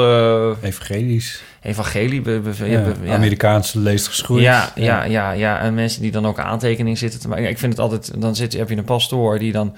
Of het is gewoon een leek. Het zijn allemaal leken. le- Leken die leken onderwijzen. En het is dan Ja. een, ja, een preek die ja, weinig... Ja, een beetje wel. En, en de, ja, de preek is dan niet echt steekhoudend, vind ik dan. Als je dus even denkt... Ja. Wat doe je daar? Maar goed, joh? ik kom daar. En wij, weet je wat? Een van, de, een van de dingen die ik daar voel... Ik voel van alles. Ik voel weerstand. Ik voel een minachting ook. En, maar ik voel ook de angst om te gaan geloven. Ik voel ook de angst om naar Ja, buiten te om gaan. er weer in te ja, ja, ja, zeker. Ja, ja. Oh, Want ik heb wel neiging om... eh, alles wat ik doe is vrij extreem. Ook, ook, ook als ik gelovig zou zijn... dan zou ik echt eh, het langst in die kerk blijven hangen... en het hardste meezingen. En, dus ik zou, ook, ik zou ook wel... religiewaanzin zou ik ook wel kunnen hebben, ja. Maar ik, dus, ik zei dat tegen die vriend van... ik ben eigenlijk bang om te gaan geloven. Ook omdat ik het allemaal zo dom vind, snap je? Snap je? Ik vind het zo... eh, ik zou het zo onintelligent van mezelf zingen... als, ik- als ik dit soort teksten bijvoorbeeld meezing... van ik mag nu Ja. eeuwig leven. Ja. Ik was laatst op een begrafenis van een ex-geliefde van mij. En, en toen, eh, ja, die, die moeder die zei van... eh, het allerbelangrijkste is dat hij in God gelooft. En, en toen dacht ik, je bent krankzinnig. Ja. Maar goed, ik zag ook gewoon een, vrouw een- die... Ja. Je moest een ex-geliefde... Ja, ja, die was, ja, dat is, nou ja, goed, een, ja, die is overleden recent. En, eh, Nee. Dat heftig, joh. ja, nou, daar wil ik niet zoveel over vertellen eigenlijk, maar het is, Ja, maar het is, toen zag ik ineens, ja, ik zie dan gewoon een moeder die gewoon heel verdrietig is voor het verlies van haar zoon natuurlijk. En dat als enige strohalm heeft. Dus Ja. zo kun je het ook zien. Ja, ja, misschien is het voor haar... dus op dat moment ook kunnen denken van dat is mooi. voor dat ze dat haar heeft, wel, toch? ja, maar ja, het, kan- het kan, ik kan me heel goed voorstellen dat het jou echt heel erg tegen haren insteekt. Ja. Dat je denkt van... Ja, als het, eh, bij de naborrel zei ik, nou mensen, we hebben afscheid van iemand die we heel, van heel erg hielden. En eh, nou ja, gelukkig geloofde die in God. Toen moest iedereen kaart lachen. Tenminste, alle vrienden dan, want die familie was, eh, ja die, die was ook die allemaal dat zeer, echt. allemaal gelo- eh, Jehovah's getuigen en zo. Ja. Ja. Ehm, ik weet even niet hoe ik dit bruggetje ga maken. Nee. Zal ik maar gewoon... eh, want er was nog een berichtje voor jou binnengekomen. Oh, leuk. Hoop ik. Hallo allemaal, met Jos Dekker. Ehm, Johan, wij volgen elkaar op Twitter en ik zag je hele ophef rondom het stemmen. En los ervan of het waar of niet waar is, vraag ik me af, zou je het niet geplaatst hebben nu je weet dat je er zoveel bullshit over hebt gekregen? Shout-out naar mijn zus Nina voor het doorlinken van jullie podcast naar mij, waardoor ik nu elke keer erg enthousiast luister. Fijne voortzetting van deze dag. Dankjewel. Eh Jos, eh, heel leuk. We moeten denk ik een klein beetje inleiden. Ja, We- maar we hebben de- net deze week... De, Ja, ja. nee, dat was afgelopen week. Mijn eh, week is loop ik enorm door elkaar. Hebben wij de gemeenteraadsverkiezingen Ja. gehad. Jij ging stemmen in Het Bolo. feest van de democratie. Het feest van de democratie in Bosselommer, Amsterdam. Ging je stemmen in jouw stemlokaal in de Lank... Lank Landhuis. Landhuis. Mag heel even haar vragen, want ik verstond haar vraag niet. Wat zei ze? Zou je het ook? Zou je? je doen als je wist dat je zo'n bullshit Als je de je boel- kreeg? Oh ja. Nou ja, wat je deed, je zag er iets gebeuren, Ja, dat twitterde je over was, ja, ja. en dat twitterde je nog een keer over en er Ja. zijn heel veel reacties Ja, op gekomen. ik ja, heb het ja. lang niet allemaal gelezen. Ik ook niet, nee. Nee, wat gebeurde daar? Nou ja, dat is dus. Ja, ik ben er dus nog dagen over na te denken. Wat gebeurt nou? Want het is, dat is ook nog niet zo'n makkelijke vraag, weet je wel? Want je gaat heel snel interpreteren. Ja, En eh, dus ik ben een dag lang bezig met wat heb ik nou echt gezien? Wat was nou mijn feitelijk? Ook omdat het ophef zo groot is, dan ga je ook twijfelen aan je eigen waarnemingsvermogen. Ik kwam binnen in het eh, stemlokaal en er stond een man die later bleek dat dus de voorzitter van het stemlokaal te zijn. Stond in mijn ogen in het Turks, omdat hij er Turks uitzag, maar later bleek hij Arabisch te spreken, of in ieder geval. Dat is dus onduidelijk, want de gemeente die zegt dat hij Nederlands sprak, nou dat is ten ene male niet waar, dus daar is over gelogen. In ieder geval Mhm. in de persverklaring van de gemeente Amsterdam. Ehm, die stond in een buitenlandse taal, ik denk Arabisch, uit. eh, nou, die stond, die, die, die poster, die stembiljet hing op die muur en stond aan een echtpaar uit, eh, ja, gewoon te wijzen van lijst aan te wijzen en een naam te noemen. Hij stond aan die andere, andere stembiljet een lijst aan te noemen en een naam te, eh, lijst aan te wijzen en een naam te noemen. Dat vond ik heel bijzonder al. Ja. op zijn zachtst gezegd. En daarna liep hij met hun mee naar die balie. Van nou geef die stembiljetten maar. En, die, en, die, die, en liep hij met hun mee het stemhok in. Opende hun stembiljetten. Pakte het potlood. En toen zei ik, jongens, dit is hartstikke illegaal. Dit zei je hardop in het stemlokaal. Ja, dit is hartstikke illegaal. En, eh, maar ook een beetje beschaamd. Want ik ben ook niet iemand die, eh, als iemand op de stoep fietst, eh, Ja, mensen, ja. Maar ik vond nee, maar je mag echt- niet met z'n tweeën in zo'n stemhokje Nee, met z'n drieën stonden ze er nu in. Nou ja. Eh, terwijl, en er stonden dus vijf mensen achter die eh, balie die helemaal niks tegen deden. Eh, tot ik er iets van zei. Toen, is, nou, maar, toen gebeurde even heel veel tegelijk met die vrouw van het echtpaar. Ik geloof een ouder Marokkaans echtpaar. Die liet haar stembiljet vallen. Dus, dus dit, ik raapte het op. Toen viel zij, ving, ving ik haar op. Dus we hadden een soort heel grappig momentje. We moesten lachen. Het was heel gezellig eigenlijk. Heel lief, lief mens. ja, Ehm, maar illegaal. maar hartstikke illegaal. Nou, zei niet. Maar in ieder geval wat er gebeurde was hartstikke illegaal. En daar is dus ook later inderdaad over gelogen in de verklaring van de gemeente Amsterdam. Dat Ja, hij want Nederlands je zou staat hebben even iets gesproken. over, want je hebt het ja, toen kwam ik thuis. Ik Ja. ging twitteren van wat, wat ik had gezien. Toen zei iemand, dat moet je aan de, de kiesraad zeggen. Dus ik twitter dat aan de kiesraad. En Oh, nog een even vraag. Ja. Was het, in dat stemhokje stond hij dan ook dus nog steeds daar aan? te- Of had, had zover is het niet vast? gekomen. Want op een gegeven moment heb ik heb er dus iets van gezegd. Maar ik ik vind Ja. het al heel ver gaan dat iemand Ja, nee, eh, zeker. meegaat de stemhok Ja. in. Het stembiljet opent en de potlood pakt. Ja, toen, en toen zei hij van... eh, wat is Ja, dit? dit is, Ja. dit is illegaal, zei ik. Meteen ook eh, het grootste woord pakken wat er is. Maar het, was, nou, het, was ook, het is ook illegaal. Ehm, Ja. ehm, De- maar de gemeente en ik begon te twitteren. En, mag, mag- Maar ik begon ook een beetje uit de bocht te vliegen in mijn team. Ik werd steeds bozer. En toen begon ik denken... Waarom? te- Waarom werd je ja, boos? ik vond het... eh, want die kiesraad reageerde ook niet, weet je wel. Oh, ja. En toen begon ik denken bij te halen. Ik zei, nou, volgens mij gaat denken grote, eh, grote, grote winst maken hier. Want eh, hoe het hier aan toe gaat, nou goed. Nou, dat had ik nooit moeten doen. Dat gaat te ver. Want dat is dan de kleur het heel erg in. Want ik zag niet zo goed welke lijst je nou aanwees. Want Nee. ik was natuurlijk ook dan iets te netjes om dan heel erg mee te gaan kijken welke lijst dat dan was. Ehm, dus dat had ik niet moeten doen. En, maar dat werd zeer groot opgevat. Eh, dan ben je nieuws aan het maken, of fake nieuws aan het maken eigenlijk. In ieder geval, want eh, ik schiet dan een beetje uit de heup op Twitter. Maar dan wordt het gelezen als nieuws. Maar ik ben ook maar gewoon een twitteraar. Ik ben niet... Ja, maar goed, de Rob- feiten waren erg genoeg die ik heb gezien. Wat zeg je nou? Nee. De feiten waren erg eh, gezien. Ik heb dit soort dingen nog Ja. nooit... Ik heb- stem al 17 jaar. Ik heb dit nog nooit gezien in de stemhok. En eh Nee. het deugde voor geen meter. Nee. Dus eh, eh, nou, daar sta ik nog steeds achter. Maar die storm die raasde voort. Ik moest gewoon optreden in Waalwijk. Dus ik, ik heb... eh, het is fascinerend. Ja, Wat het- kreeg je naar je hoofd allemaal dan? ja, eerlijk gezegd, ik vond het moeilijkste dat je, dat je uiteindelijk door de verkeerde mensen wordt geliked eigenlijk. Dus dat je toch Oh ja. wel de Annabel Nanninga's en de Wie Ducks, daar ben je dan een soort ineens een soort Ja. een held van. Ja. En daar ben, sta ik, eh, dus het valt op een, eh, wil- in een zeer gewillige bodem, zou ik maar zeggen. Eh, dat is eigenlijk het enige waar ik spijt van heb. Dat je denkt, oh, je, je, je, je, ja, je voedt wel iets wat er al, waar heel veel eh, Ja. behoefte naar is, zou ik zeggen. Ja. Eh, een, ja, een soort ja, complotdenken in die zin. Maar dus dat, dat vind ik jammer dat ik dat heb gedaan. Maar ik, sta nog, ik stond eigenlijk heel erg achter het feit dat ik dit heb gemeld. Ehm, omdat het echt niet kan. En ik, ik sta één minuut in een stemlokaal en ik zie dingen dus die ik nog nooit heb gezien in mijn Ja. leven. En nou, er zijn heel veel minuten in een dag. Ik weet niet wat de rest van de dag gebeurt. Dus ik ben heel blij dat ook de gemeente naartoe is gegaan. Ze hebben wel iets te, op zijn... eh, op zijn ogen geloofd, zou ik maar zeggen. Maar het is eh, goed dat er iets in gang werd gezet, want er moet wel op gelet worden. Want het punt is, weet je, het, kunt, het kut is met dit soort dingen, van met alle minderheden, met name bij immigranten of met, met uh, allochtoon heet het niet meer, geloof ik. Maar er zijn twee soorten mensen. Er zijn mensen die ze per definitie als dader zien. En er zijn mensen die ze per definitie als slachtoffer zien. Ik Mhm. vind het allebei eerlijk gezegd even schadelijk en even onrealistisch. Mhm. En ik zag dat ook een beetje in die ogen van die vijf eh, bleekneuzen achter die tafel. Van eh, ja, ja, je, je kan niet zo, zo je mag, het is niet zo makkelijk om een Turk tot de orde te roepen. Dat is gewoon niet zo makkelijk. Ik durfde Mhm. het eerst ook niet, want ik wou ook niet die Mhm. klootzak zijn die tegen een ouder allochtoons echtpaar eh, gaat zitten zeiken, weet je wel.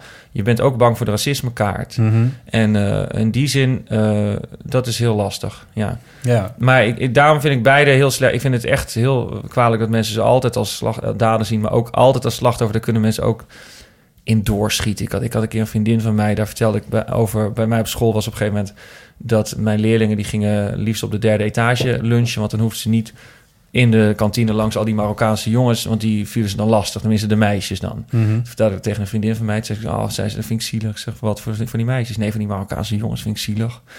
Ik denk, wat zit je nou? Dit is zo totaal, dan ben je zo totaal... eh, zie je niks meer door je idealen, zou ik zeggen. Ja. Dus nee, ik heb geen spijt dat ik retweet heb. Ik ben eh, één stap te ver gegaan. Eh, dat is jammer, want daar maak ik mijn eigen zaak ook minder sterk mee. Want nu eh, stond er bijvoorbeeld in het parool dat het een soort ja, losse vlodder of een soort eh storm glas water was. Mhm. Dat was het absoluut niet. Het was hartstikke illegaal wat ik heb gezien. En wat mij betreft ja, moet je moeten daar met z'n allen op letten. Wat ik heel erg geleerd heb, ik heb de kiesraad ook gebeld... en die zei je moet altijd met dit soort dingen... echt even tegen die balie zeggen... ik wil dat jullie het opschrijven, dus een klacht Ja. van mij. Ja. En dan schrijven ze dat op en dan komt het in het procesverbaal. Ik, ga nog, ik, ja, ik heb nog niet gezien of het inderdaad in het procesverbaal staat... maar ze hebben hem wel gehoord. Dus ja... Het was een heftige week, zou ik maar zeggen. Ja, ja. ik, het, wat ik eerlijk gezegd, ik had je zien twitteren erover en toen dacht ik, oh god, oh, ja, oh, dat is wel kut. En toen had AT5 had er een berichtje eh, over gemaakt. Ja. Toen dacht ik, ach ja, natuurlijk. En, ehm, en later zag ik iets van, inderdaad, dat je iets zei van, ik heb spijt van dat ik denk erbij Ja. heb gehaald. Dat had je ook netjes getwitterd. En pas toen zag ik dat er meer dan 300 keer op gereageerd Nou, dus was. 1300 keer geliked of geretweet of zo. Ja, het is Ja. gigantisch. Ja, ja, dus dat, is- in- dat is ook lastig, want je zit eh, dan... eh, Dat is op zich over wat iets meta, hoor, maar het is, je zit dan iets te tweeten en dan op een gegeven moment denk je... oh, dit klopt, nou, dat denk dat is eigenlijk een stapje te ver. Dat, dat kan ik niet hard maken. Ik het En, maar, maar ik- ja, als je het weghaalt, is ook een soort schuldbekentenis. Maar aan de andere kant, je denkt, ach ja, nu, eh, nu zijn we wel op het maximum. Nu is het al 100 keer geretweet. Ja. Maar het eind van de dag is het dus 1300 keer Ja. geretweet. En dan had je toch eigenlijk eerder weg kunnen halen en even En een verklaring toch- kunnen doen. Ja, en dan had je... Ja, ja maar ja, goed. Maar eh, ik heb er zeker geen spijt van dat ik het heb geret- getweet. Wel de Nee. manier waarop eigenlijk dat wel. Ja. Ik vind eerlijk gezegd vind ik, vind ik het ook wel. Maar goed, dan wordt de journalist in mij weer wakker. Dat ik denk van ja, met dit soort dingen moeten we ook gewoon. Dat Ja. moet gewoon naar buiten. Want ik krijg ook veel mensen over naar me toe die zeggen van ik heb dit ook gezien, ik heb dit gezien. Ja. Dus ik krijg heel veel eh, meldingen van mensen die zeggen van wat ze allemaal hebben gezien. Ja. En er gebeuren gewoon, je moet daar gewoon, kijk, ik heb natuurlijk ook gedacht van ben ik nou zo xenofoob, weet je wel, als iemand eh, eh, Turks gaat praten in een stemlokaal, dat ik meteen daar iets de lange arm van Anker achter zie, zou ik zeggen. Maar het is kijk, juist daarom zijn dit soort regels heel belangrijk. Want je moet gewoon dus, het moet zo zuiver gebeuren. Ja. En het is niet voor niks dat die jongen heeft gelogen tegen de gemeente dat hij in het Nederlands sprak. Dat deed hij echt niet. Mhm. Eh, ik, ik, heb, ik ben, eh, dat is ook zo raar. Je tweet iets, je bent bang dat je een racist bent omdat je het verschil niet hoort tussen Turks en Arabisch. Ja. Maar ik hoor echt wel wat Nederlands is. En Ja. ik heb via Nederlands gestudeerd en dit was echt geen Nederlands.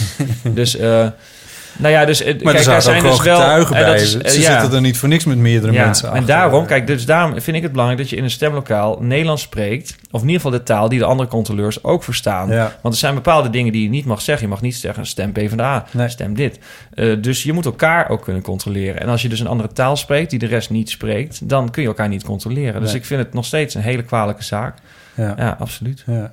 Ik heb geen zin om aangifte te doen, want ik heb nu wel een beetje genoeg shit over me heen gehad. Ja. Maar ehm, moet ik zeggen, niet van Turk of zo hoor. Niet, ik had daar, eh, ik vind dat die, ja, die hebben het allemaal nog heel netjes. Ja, dit is, het is meer. Ja, god, iedereen vecht Ja. gewoon. Iedereen, het zijn allemaal mensen die van tevoren al wisten Ja. wat ze ervan vonden. Ja, precies. Zeggen. Dat is Je- het vermoeiende je, eraan. je, je- ja. er, was het, je, je- je- er kwam Is dat natuurlijk... een beetje deze tijd? Ja, maar vooral dit onderwerp ook. Ja. Of tenminste, ja, je raakte aan iets wat... eh, ja. Zeer gevoelig ligt. Volgens had al een artikel over eh, van mening veranderen. Ja, Dat is wel grappig. Maar het is ook zo, weet je, weet dat ik dat later, hè, want ik dus zag hem het lijsten aanwijzen en namen noemen. En later, je bent zo dat je denkt, omdat het zo heftige reactie is, en dan denk ik, heb ik dat echt gezien, weet je wel? Heb ik, dat, heb ik echt een naam gehoord, weet je wel? En dan ga je dan aan twijfelen. En later dacht ik, ja, want ik stond in een stemhokje. En toen weet ik nog dat ik dacht, laat ik even kijken of ik die naam kan vinden op die kaart. Dus ik heb wel degelijk een naam gehoord, omdat ik dus in mijn acties ook dus ging zoeken naar die Ja, naam. Ja. Maar ik ben dus echt heel slecht in namen. Dus, dus ik, ik, ik, weet- ik wist toen al de naam niet meer. Weet je, ik ben echt heel erg in die zin. Ik kan ook bijvoorbeeld niet geen li- Russische literatuur lezen, want dat is, dat is Oh. Oh, ja, oh, vreselijk. Oh, oh, no, no. breek me de bek heet niet open. ik bijvoorbeeld probeerde de Ilyich, die dan ook eh, Petrovic wordt Ja, genoemd. ik en, probeerde de oh, biografie van Stalin te lezen. Nou, ik geef het je te doen. Echt, ja. Op bladzijde 3 heeft hij al, is hij al 115 namen genoemd. Ja, Ja, nee, ja. Nou, en dan zijn matresses. ja. Dat is een goede vraag. Leuk om dit eh, even te mogen vertellen. Ja. Mooi. Want het is best wel heftig hoor. Er komt heel wat over je heen. En eh, Ja. eh, ik zou eigenlijk s'avonds in een hotel slapen in Waalwijk. Maar ik dacht, ik ga toch even terug naar Amsterdam... om te kijken of mijn huis er nog staat... en of mijn voordeur er nog in zit. Oh, echt? Nou ja, je, het is, zo'n Twitter is natuurlijk een soort eh, parallel universum... wat heel heftig is. Ja. Een soort permanent volksgericht. Ja, maar tegelijkertijd ben ik gelukkig niet zo heel erg bekend. Dus ik kan gewoon over straat en zo. En ik heb er ook op tv niks over gezegd. Maar ehm, nou ja, ik wil eigenlijk ook wel graag veilig over straat blijven kunnen gaan. Ja. Dus ja, dat zijn ook overwegingen. Ja. Maar goed, nu maak ik het alweer te groot. Maar het, het kan heel overweldigend Ja. overkomen, zou ik maar zeggen. En nou, trouwens te groot. Het was ook het rare. Maar, ja, goed. Mensen zijn zo schizofreen op dit gebied. Mijn pianist die zei van... eh, nou, bij mij gaat het juist altijd bij die allochtone stemlokaal allemaal zo netjes. Oké, oké. Maar eh, durf je wel terug naar je wijk? Weet je, want dat je denkt, wat, is dat, wat zeg je nou eigenlijk? Dus allochtonen Ja. zijn altijd heel netjes. Ja. Maar ik mag het... ik- Ja, ik, eh, Ja. ik kan ieder moment uh, gelyncht worden door een moslim, zou ik maar zeggen. Oh my god. Oh, het feestelijk, ja. Ja. Zoiets... We doen dus geen een, theezakje. We, we doen dus geen theezakje, want we- dan krijgen we dus ook niet de jingle. Nee, nou, nee. Mag ik, mag ik heel even die nog helpen? Sorry hoor. Als laatste nog dat, dat, eh, dat ik van, wat ik fascinerend vind, is dat element van er zit xenofobie in mijn verhaal en politiek correctheid. Daar, daar wissel je dus de hele tijd Ja, tussen. ja. Waardoor je op een gegeven moment ook niet meer weet waar je nou Nee. op moet varen, weet je wel. Eh, ik denk dat in iedereen wel iets xenofobisch zit. In die zin dat als iemand een andere taal spreekt, dan is het heel logisch om te denken: wat zeggen die mensen? Wat zijn die aan het vertellen? Wat zijn Ja. zeker in een stemlokaal? Ja. En ehm, nou ja, goed. In Race, dat het eh, theaterstuk wat van de op Amsterdam laatst. Ehm, waar die donkere actrice eh, Romana Vrede in zat. Dat gaat er ook over dat je dus op een gegeven moment weet niemand meer eh, tussen ja, xenofobie en politiek correctheid. wat hij nou echt werkelijk met de situatie aan moet, moet, wat hij ervan voelt. En ik las een boek van Jolanda Entius. Het ging over een meisje dat verkracht wordt door een Algerijn. Heel naar verhaal. Maar ook heel mooi geschreven. Stond op de longlist voor de Librisprijs. En dat uiteindelijk komt toch uit het boek dat ze... Ja, ze ging dan toch ook mee, omdat ze dacht... Ja, ik, ik ging ook net met een Fransman meelopen, een stukje. Dus dan moet ik... Hier kan ik ook geen nee tegen zeggen, weet je. Mhm. Dus je gaat je eigen gevoelens eh, wantrouwen... door Ja. alle maatschappelijke dingen Ja. die er overheen Ja. liggen. Dat is Ja. lastig. Zouden we daar ooit nog uitkomen? Ja, ik, hoop, het- ik hoop het wel. Ja, Ik weet niet, ja. ja ik, ik weet ik ook niet zo goed. Ik vind dat heel ingewikkeld. Ik vind, die vind, ik- dat vind ik, ja. Het zou wel mooi zijn als we daar uitkomen. ja. Ik denk dan, ja, wat, wat ik dan met die vrouw had in het stemlokaal, ik denk dat contact toch het belangrijkste is. Van dat je gewoon met haar gewoon even echt leuk contact. Ik Denk, nou, we staan gewoon als twee mensen. Ja. Gewoon iets. Ja, ik vang haar op, zij valt en uh, lach om een stembiljet. Ja, dat was leuk. Dat die Turkse leuk, man, ja. daar durfde je dus nauwelijks tegenin te gaan. Daar was je Eh, ja, maar het was ook wel een intimiderende man. Ja, dat was echt een, zo'n hosselaar. ja. Dat is, ik woon in Boslom en het, het is ook een beetje een hosselcultuur. Dat, dat hele, dat, dat al die, Mm. ik zowel Turks als Marokkaans hoor, een beetje dan onderhandelingscultuur. En dat kan soms heel leuk zijn. Bijvoorbeeld mijn, Al- mijn Albert Heijn hoef je nooit je eh, bonuskaart te laten zien. Want die, die, die, die pakken ze zelf. Die hebben ze gewoon achter de kassa leren. Hebben ze één bonuskaart aan doen. Dat je denkt, nou ja, goed, ze hoort het geloof ik niet. Maar prima. En dat is, maar aan de andere kant word ik ook wel een soort van bozig. Of als die man van de avondwinkel me altijd gratis plastic zakjes geeft. Terwijl je denkt, die wet is ook echt al bijna meer dan een jaar ingevoerd. En het is gewoon echt slecht voor het milieu. Ja. Maar die discussie, die... eh, Ja. ja. Mijn, mijn ervaring bij mijn avondwinkel was altijd dat ik een soort ge- aangeslagen werd naar de maat van hoe netjes ik eruit zag. Zeg maar, als ik in een soort joggingbroek aankwam en een soort je verlopen minder hoofd, te dan betalen. was het alles heel goedkoop. En als ik daar een soort best wel fancy zou aankomen, ja, ik doe er nu gebaren bij, dan was opeens alles heel duur. Maar dit terzijde. Ja, ik had een avondwinkel die dan geen hamkaas gekocht omdat daar ham in zit. Maar er zit helemaal geen ham in. Klopt. Nee, dat maakt niet uit. Over religie gesproken. Oké. Ja. Ja, jeetje, heb jij wel eens in zo'n storm gezeten? Zo'n Twitter-storm? Ja, maar dat is al een tijd geleden. En toen heb ik eh, heel veel mensen geblokkeerd. En vooral in die, eh in die Nanninga Viaducthoek. Oh, ja, ja, ja. Dus alle mensen van geen stijl, eh, alles wat om uh, Viaduct heen hangt, alles wat om Nanninga heen hangt, TPO en, en die types. En dat zijn er inmiddels een man of eh, nou, 100, 200 misschien of zo, die geblokkeerd zijn. En sindsdien is het rustig. Ah, ja. Ja, ik heb ooit een akkefietje gehad met... ehm, toen had ik een artikel in de Volkskrant. eh naar Orlando viel het Ja. me op dat er niet zoveel eh, mensen kwamen... om daar Ja. hun medeleven mee te betuigen... versus Charlie Ja, Hebdo een half jaar daarvoor. Of een jaar daarvoor. En ehm, ehm, toen ging dat ook over dat ik in eh, de Indische buurt heb gewoond... Ja. Eh, en dus wel een klein. En, en dat ging een beetje over hoe daar dan, hoe ik, hoe ik me daar als homo heb gevoeld Ja. en zo. En daar heb ik, wel, heb ik toen iets over geschreven, niet veel. En dat was naar de zin van een Nederlandse filmregisseur. Terry Terstal. Eh, ik ga niet zeggen wie. Eh, was dat. schilderde ik dat een beetje te bedekt af. Een beetje te Ja, ja. poli- politiek Ja, correct af allemaal. En, ehm, en dat vond ik zo onzinnig dat ik. ehm, dit is Nederlands. ehm, dat ik daarop antwoordde zonder daar. het- ik vond het zo onzinnig. dat Ik dacht, dit begrijp jij ook wel dat dit onzin is. Dus ik heb gewoon mijn tegenargument gegeven zonder daar dat woordje nee, dat is niet zo. Of een zinnetje nee, dat is niet zo erbij te zetten. Dat, soms kun je dat doen. Ja. Kun, je, kun je gewoon je, je verhalen steken en dan zal iedereen begrijpen dat. Ja. En ik weet nog dat ik, dat ik die woordjes eerst wel getypt had en dat ik dat vervolgens weg had gehaald. Ik dacht van nee, dit is, dit is zo dubbel op. Ik, Ja, oh ja. en omdat ik dat er niet bij had gezegd, ging hij ervan uit dat het eh, dat ik dat dat er door de, het, dat ging erover of de Volkskrant mij er dan op gecorrigeerd had, of ik dan eh, heftiger over Bosselommer had moeten schrijven, of sorry, Mhm. niet over Bosselommer, dat is Ja. jouw wijk, over de Indische buurt had moeten schrijven. En eh, en die, had, en die had dat vervolgens op Twitter geciteerd. En dat werd opgepikt door Nanninga. En dat werd opgepikt door, het- door Geen Stijl. Die gingen er een stukje over schrijven. Mm. En toen was de beer los. En ik Had je hoefde- ook ingehouden of niet? Ehm, nee, ik heb, ik, nou, het was ingewikkeld, want dat, dat ding verscheen op een moment dat ik een nachtdienst had. Ja. Ehm, dus die krant die verscheen op het moment dat ik in mijn nest lag. Mhm. En die hele discussie ontspon zich ook terwijl ik in mijn nest lag. Ja. Dus het was, het was best wel ingewikkeld. Maar ik, ik heb daar een paar dingen op gecorrigeerd. Maar, maar deze, ik heb tegen die gast meteen gezegd van... nee, dit is niet waar. Maar toen stond het al op geen stijl. Ja, dan, Mhm. dan, dan hou je het echt niet meer tegen. Mm. Dat is echt vreselijk. En ehm, toen heb ik eh, een van die jongens... die jongens die dat stuk had geschreven die, van geen stijl... Die, zit- die, die zit op Twitter. En die heb ik toen een berichtje gestuurd van... gast, moet dit nou? Het is niet waar. Mhm. Ik zei, bel, bel de Volkskrant. Dan weet Ja, je het. ja.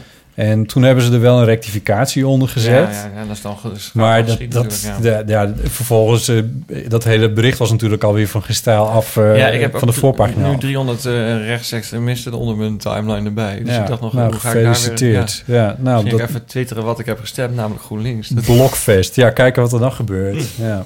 Oké, wij hebben dus een, eh, dat telefoontje met een eh, abonnementje voor dat die voicemail. En die, die, horen? duurde, die duurde maar... Ja, ik wil dat je dit hoort. Ik wil dat je dit hoort. Dit- maar deze, de voicemail bij, dit- bij dit bedrijf is aan de korte kant. Namelijk Ja. iets van 56 seconden. wel lekker, toch? Dat is ergens lekker, maar het is ook wel een beetje vervelend... aangezien wij zelf hele lange podcasts maken. Ja, dat is waar. Kunnen we dus niet van onze luisteraars verlangen dat Jongens, zij... 4,5 seconden. Precies. Klaar. Dus, en ik heb geklaagd bij dat bedrijf en dat, was, eh, dat is het bedrijf Simpel. En eh, lang verhaal kort, ik had vanochtend iemand aan de telefoon daarover en die zei... Nu al niet meer kort. Wij, eh, Goedkoop is duurkoop, denk ik nu al. wij, eh, ja, het was, een heel goed, het was het goedkoopste abonnement wat je kon verzinnen. Ja. Maar ze zeiden, wij, eh, wij strijken met ons hand over ons hart en ons hand over ons hart. En eh, je, je bent van het abonnement af. En ehm, eh, je mag dus naar een andere provider overstappen. Wel waar een langere... Fideel. Dat vind ik heel fideel. Dus Ja. eh, ze krijgen 100 punten, eh, Ja. simpel. Maar we zitten alleen niet meer bij ze. Nou, we gaan weg. Ja, Überhaupt dat je iemand te spreken krijgt, vind ik al een wonder. ja dat, ik, ik stond er... eer- Ik, eh, nou, we hebben het 50 hier... seconden hoor. en Toen werd er Twee weken geleden hebben we het er ook over gehad. En toen, eh, toen was het met name jij heel sceptisch van... wat heb je toch een vertrouwen in de mensheid dat dit goed komt? Ja. Nou, maar ik kom nooit iets goed bij jou. Van, eh, ja, Nou ja. dat was dus ook weer met die aanbieding van die elektronica zaken en zo. En die cashback en zo. En Oh god, dat verhaal. Ja, maar dat is uiteindelijk dus ook goed gekomen. Can of Worms. Echt? Maar ben Ja. jij een, eh, ben jij Oh. een brievenschrijver, eh Bob? Ik ben Ja, een brievenschrijver, ja. Een soort boos Ja, ik heb een heel sterk rechtvaardigheidsgevoel. Op het gereformeerde af. Mijn, mijn, nee, mijn eh, pianist, of eh, de, de pianist Ja, van mijn programma, Ilko. Ilko, die heeft dat dus ook. Hè. Die stuurt echt brief aan de NS over dat hij 7 euro moet betalen voor een nieuwe overchipkaart. Ja. Ja, nou, dat en dat, eh, dat komt dan volgens hem uit een rechtvaardigheidsgevoel ook. Ik twijfel dat een beetje. Eh, eh, maar goed, wat ik, ja, wij staan er heel anders in. Ik denk zelf dat ik ga er van, bij ieder groot bedrijf eh, vanuit dat ze me naaien. Dan ga, dat is eigenlijk mijn basishouding in het leven. Dat, Ja. ze, dat, dat hun doel is eigenlijk. Oké. En daar, ja, het valt wij zelden tegen, eerlijk gezegd. Ja, dat, Ja. nou ja, eh, simpel dus niet. Maar de Eh, NS dus ook, zeg maar. NS, oh, oh mijn god. Weet je wat ik bij de NS heb gehad? Nou, Ik heb bij de NS, ik had dus vergeten mijn eh eh voordeeluurabonnement te betalen. Want dan krijg je zo'n brief en dacht, nou, dat zat er wel Oh. iets van. Nou, en op een gegeven moment twee keer vergeten. En toen op een gegeven moment was het nog 100 euro duurder. En toen is dat, en toen is mijn voordeel is het gestopt. En toen heb ik gebeld, zei, oh ja, sorry, ik wil het best betalen. Dus ik heb het betaald. Maar toen zei ze, ja, die, eh, ja maar die voordelen je moet wel een nieuwe overchipkaart aanvragen. Want op deze mag je nooit meer, en je, zolang je leeft, een voordeeluurabonnement aanvragen. Oh, oké. Dus weet je, en dan ben ik gewoon een rommelig cabaretier die gewoon even niet heeft opgelet. Maar er zijn natuurlijk ook mensen die in de schulden zitten en die dan gewoon eh, het even allemaal niet eh, hebben. En die dan gewoon, eh, ja, gewoon, dan moet je gewoon al. Het is zo Ja, ja. eh, hard, vind ik dus. Ja, dat is En zeker zo, hard, ja. Ja. Maar dus daar, ik ga dus eigenlijk altijd vanuit dat ik, het valt mij altijd mee als ik niet genaaid word. Ja. Ja. Ik zit nu bij Triodos Bank en er wordt ook gewoon iemand neemt gewoon de telefoon op. Je weet niet wat je meemaakt in 2018. Je belt gewoon een nummer in Utrecht en dan zegt iemand hallo met de Triodos Bank. nou ja, je dat deelname aan deze podcast kost 100 euro. Dat is- is het zo? ja, ja. Nee, maar... Nou ja... Weet je, Je ik zat hier vandaag... geld verdienen, maar ze- over het algemeen zijn ze toch... Ik heb dat niet zo die ervaring. Ik heb wat, wat ik meer heb is met dingen dat het nooit, zeg maar.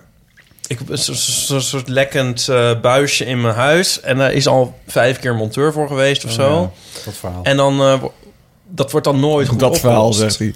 Weer. Ja, nee, maar dat wordt nooit goed opgelost. elkaars verhaal dat is, zeiken. dat is mijn, dat is mijn verhaal. Maar dat vind ik, snap je? Maar dan moet je geen beunhazen nemen. Je moet een echt, moet je over Ja, nee, Facebook maar dat- zetten. er- een goede Nee, maar dat eh, gaat dan via- loodgieter in Bosselom? Ja, maar ik mag niet zelf de loodgieter uit. Dat is een designated Utrecht. loodgieter. Ja. Snap je? in, in Oost. Ja, in Oost. Wat is dat dan weer voor verhaal? Van de VVE of zo? Van de, van, de, van de verhuurder van de, van de woningcoöperatie stuurt dan een loodgieter. En dan, doet het, en dan, Oh, en dan ja, ja, is het weer een maand, is het, Ja. werkt het weer en dan, en dan daarna weer niet meer. Nou, anyway, ja. maar weet je wel, dat soort di- dat ken je toch wel? Van, ehm, of zo, of dat je... ehm, Ja, ja, ja, wat is, dit wordt maar wat is nou je een heel raar punt? zeuronderwerp. Johan Ja, maar zei, nee, nou, nee, je maar wordt dat- per definitie genaaid. Jij zei van dat is niet zo. Nee, maar met grote bedrijven kun je, vind ik al, al bijna per definitie, die willen geld verdienen. Dus dat weet je. En dat soort geef je aan ze. En, eh, Ja, dat is toch een heel duidelijke verhouding of zo. Je kan het dus ook niet Echt, doen. echt sprake van naaien. Johan is naar de Triosbank, Triodosbank gegaan. Ja. Niet een heel groot bedrijf. Je kan, ook, je kan ook om die grote bedrijven heen werken. Ik Ja. probeer dat ook te doen. Ik ook, ja. Dat lukt, nu niet, lukt me niet met Ik alles. zit dan persoonlijk bij drie banken. bij drie banken, maar mijn ervaringen zijn niet echt heel verschillend. Misschien in Nou de ja. handigheid van de readers. Nou ja, en of ze wapens dealen of niet. Of ze... Ja, het kan een rol spelen. Ja. Ja, als je maatschappelijk betrokken bent, Ipe, dan kan het wel eens eh Ja. meespelen, dit soort vragen. ja, nee, maar ja oké, dat, is, eh, dat is een... Nee, dat is een valide punt, maar dat heeft niet echt zoveel te maken met jouw persoonlijk naaien, toch? Nee. Behalve dat drie nemen ze volgens mij de telefoon op. Nou ja, kijk, banken. wat ik grappig vind, of grappig, het is helemaal niet zo grappig. Maar bijvoorbeeld nu, de laatste weken... Mijn laatste miljoenen weken staan bij de ASM-bank. Je miljoenen staan bij de ASM-bank, goed om te weten. Ehm, die eh, die Facebook-ophef eh, die er is, met dat verhaal rond... ehm, God, wat begon dat nou ook allemaal weer mee? De, de- die, die miljoenen, of de, de data van miljoenen mensen is gelekt via een of ander spelletje of quizje Mhm. of zo. En dat heeft ook te maken met et cetera. Dus nu is er, nu is er dat... eh, noem maar op. nu is er dat... net- hier gaat het namelijk niet om. Mijn verhaal gaat erover. Het zijn nu mensen die Facebook achter Ja. zich laten. Ook zo'n Ja. enorm bedrijf, zo'n enorme instantie. Ja. En, en dat ik denk van ja, maar je kan er ook wel gewoon zonder. Het, is, het, het moet niet. Je, Facebook? Ja, kijk, de NS, daar kan je niet echt omheen als je niet een auto bezit. Nou, Facebook kun je ook bijna niet meer omheen. Er zijn zoveel eh, sites waar je in moet loggen met je Facebook-account en zo. Dus ja, je ik kan niet, je kan niet dus op Tinder nooit. bijvoorbeeld zonder dat je Facebook hebt. Ja, dat kan nee, niet meer. Je kan niet op Tinder, nee. Maar ik heb... maar je kan ook heel veel verjaardagen missen. Ik bedoel niet, Ja, dat niet is eens... Maar dat is- dat is zo die- een reden om eraf te gaan, hoor, Nee, maar ik bedoel verjaardagsfeestjes bedoel ik eigenlijk. Als je uitnodiging... Er is, één jongen, is een soort uit onze vriendengroep gevallen. Omdat hij dus geen Facebook heeft. En dan elke keer denken dan maken mensen een event aan voor hun verjaardag. Ja. Zo van, eh, en dan nodigen ze iedereen uit.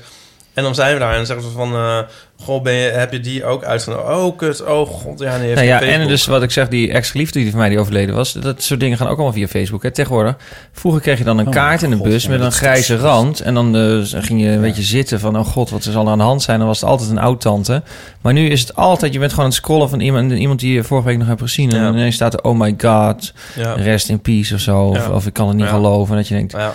what the fuck? Ja. Ja, het is echt een... eh, nou, ik, ik hoop dat mensen toch nog wel een beetje ook andere manieren gebruiken om mij op de hoogte te stellen Ja. van het een en ander. Want Nee, ik lees het dus ik was- niet. Ja, nee, ik werd gebeld hoor. Dus- Ik maar- ben gestopt met scrollen in ieder geval. Ja? En eh, inloggen doe ik nog maar zelden. Maar uh, Maar beroepsmatig... zit hij op de telefoon? Zit hij niet op je telefoon? Hij staat wel op mijn telefoon, maar ik, maar ik, ik heb hem zelden aanstaan. Alle notificaties Nou, staan uit. Ja, ik heb dus nu sinds deze, sorry, ik heb deze, sinds deze één app dat je dus kan kijken hoeveel uur per dag ben je dus Oh, bezig ja, op je. ja. En dat wou ik toch heel even kijken van. Want Hoe ik heet dacht, die app? eh, Is voor de show deze notes. is, dit heet eh, Mood of zo.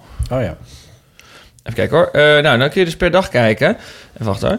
Eh, nou, hier vandaag is dus 3 uur 20 minuten. Zit ik om je om Op mijn telefoon. socials? Om mijn telefoon. Oh, gewoon. überhaupt? Ja, ik kan het niet. Ik, ik kan het heel moeilijk eh, zien eh Maar waar je ik telefoon op houdt het zelf bij, wel- Ja. wat je apps, het- welke apps het meest gebruikt zijn. Ja, maar hoeveel tijd ook? Nou, niet, in ieder geval een soort ra- ranking. Want Nico gaat altijd op mijn telefoon kijken of ik, of ik te veel op Grindr heb. Als ik Oh. dat vind jij nu niet. Dus je mag wel op Grindr. ik mag wel een Grindr. Maar gewoon om te window shoppen of zo. Of je Ja, mag heb ik eventueel... iemand gegeven dat ik, ni- dat ik dingen niet mag? Oh nee, nee. Nee, nee, nee, je hebt, dat heb je niet. Maar ik vind Nee. het heel grappig dat, dat je wel in de gaten wordt gehouden voor hoe... Nou, hij doet me om dat een beetje om mij te pesten. Ja. Dus we hadden vroeger, toen ik werkte bij eh, de universiteit eh, op een afdeling, hadden we een alcoholistische secretaresse. En die hadden 's ochtends altijd kwam ze met de een beste. boodschappentas. En dan ging mijn collega al, kon het dan nooit laten om daar heel even tegen, met, tegen te schoppen. En dan hoorde je zo de flessen daarin rinkelen. Dat is het een beetje.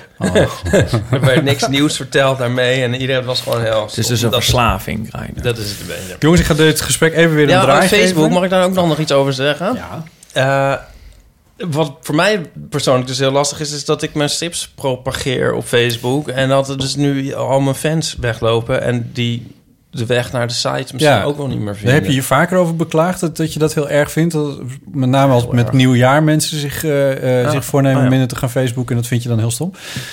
Ik merk zelf dat we met de eeuw van de amateur last hebben van het nieuwe beleid van Facebook. Dat er meer aandacht is voor de persoonlijke tijdlijnen, minder voor de, voor de hoe heet dat, pages tijdlijnen. Ik krijg er eh, nauwelijks meer nieuwe, we krijgen er nauwelijks meer nieuwe likes bij. Nee. Dus ik Ja, maar zit dat, ook volgens mij is dat denken... sowieso een soort beleid van Facebook om oh, dat iets wat, wat Ja, ja, een soort dat- gestegen is, dan klopt. daarna knijpen ze het af en dan moet je gaan betalen. Oh ja.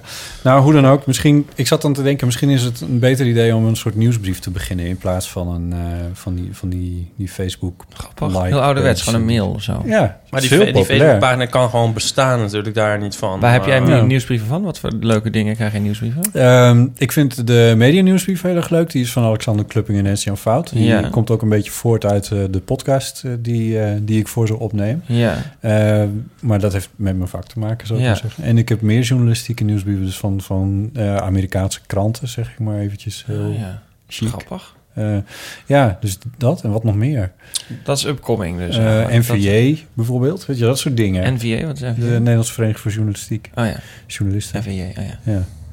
Ja, dus, eh, Ja. ja. Ja, ja, dat, is, dat is wel een ding. Ja, En- maar ook een, een, een, De fotostrips.nl nieuwsbrief. De fotostrips.nl nieuwsbrief natuurlijk. Ja. Meld je daar vooral ook voor aan. Eh, Eindelijk. Johan Gozes nieuwsbrief. Dat heb ik niet. Ja. Maar het is wel een... Het is, ja, dit is Ik een- vind het altijd lastig om je af te melden voor een nieuwsbrief van een vriend of vriendin. Die Ja, dan dit een is nieuwsbrief precies het succes ervan. Ja, oh, dat je denkt, ja, hartstikke leuk, Ja, Philip maar je kan, maar- als je zo'n nieuwsbrief stuurt, ik- kun je ook tracken. En dan kun je zien hoeveel mensen hem hebben opengeklikt. Klopt, en ja. hoe lang ze erop Klopt. hebben gekeken en zo. Ja. En dan allemaal, moet je ook bij een nieuwsbrief zien hoe lang ze hebben. Nou. Ja, dat is toch onzin. Als, als ze hebben gekeken naar je website, ja. Doorklikken kun je wel doorklikken en zo. En dan word je ook helemaal depressief van. Ja. Maar goed, mochten mensen dit nou leuk vinden... een Eeuw van Amateur nieuwsbrief... Bel dan. Laat het dan weten Met op de eeuwofoon. of zo. Wacht, we hebben nog een... eh, dat, die draag gaan we er nu even naar geven. Ehm, we hebben nog één eeuwofoonberichtje.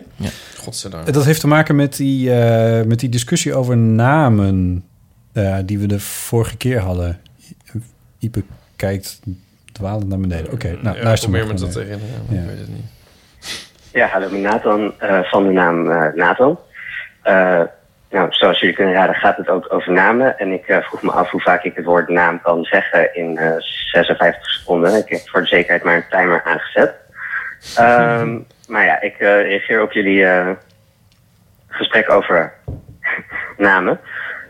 Want ik vroeg me af of naamstevredenheid dan niet gewoon afhankelijk is van hoe goed je het met je ouders kan vinden. Omdat je ouders die hebben je naam uitgekozen. En ehm, ik denk dat, dat je een stuk sneller eh, tevreden zou zijn met je naam als, als je ouders je dan het gevoel hebben gegeven dat jij dat, die naam ook waardig bent of zo. Eh, ik heb 10 seconden. Ehm, dus als je band goed was eh, en je zelfverzekerd bent opgegroeid, dat je ook een stuk prettiger zou voelen. Hoe denken jullie daarover? Dus, eh, overigens, dit is de Nathan van Ja. de documentaire Nathan die ik eh, heb gemaakt. De radiodoc. Luister die vooral even terug als je het leuk vindt. Ja, oké, leuk. Eh, anyway. Waar gaat ehm, het over dan? Over Nathan? Nou, mm, ja, die gaat over hem. Ja, dat heeft een heel ander onderwerp. Maar dat gaat wel over een complexe relatie met je ouders hebben. Dus Ja. daar, daar valt het wel een beetje op terug te voeren. Ja. Ja, eh, het gaat in onze podcast met enige regelmaat over mijn naam en de complexe relatie Ja. die ik daarmee heb. Of die andere Oh. mensen met mijn naam hebben. Mm. Dat, eh, dat bestaat Ja. ook. Of die jij denkt dat ze met jouw naam hebben. Ja, ik interpreteer dat ook wel eens een klein beetje inderdaad. Maar de suggestie wordt dus hier neergelegd van... maar eh, heeft het ook te maken... Je, je hebt je naam te danken aan je ouders. Dat is Ja. over het algemeen waar. Ehm, en kun je er blijer met je naam zijn... op het moment dat je blijer met je ouders bent. Zeg ik nou goed? Ja. Ja. Eh, ik weet niet of dat helemaal zo werkt... maar ik denk wel dat het een factor kan zijn. Dat denk ik wel. Ja, het kan elkaar wel versterken, ja. Ja. ja.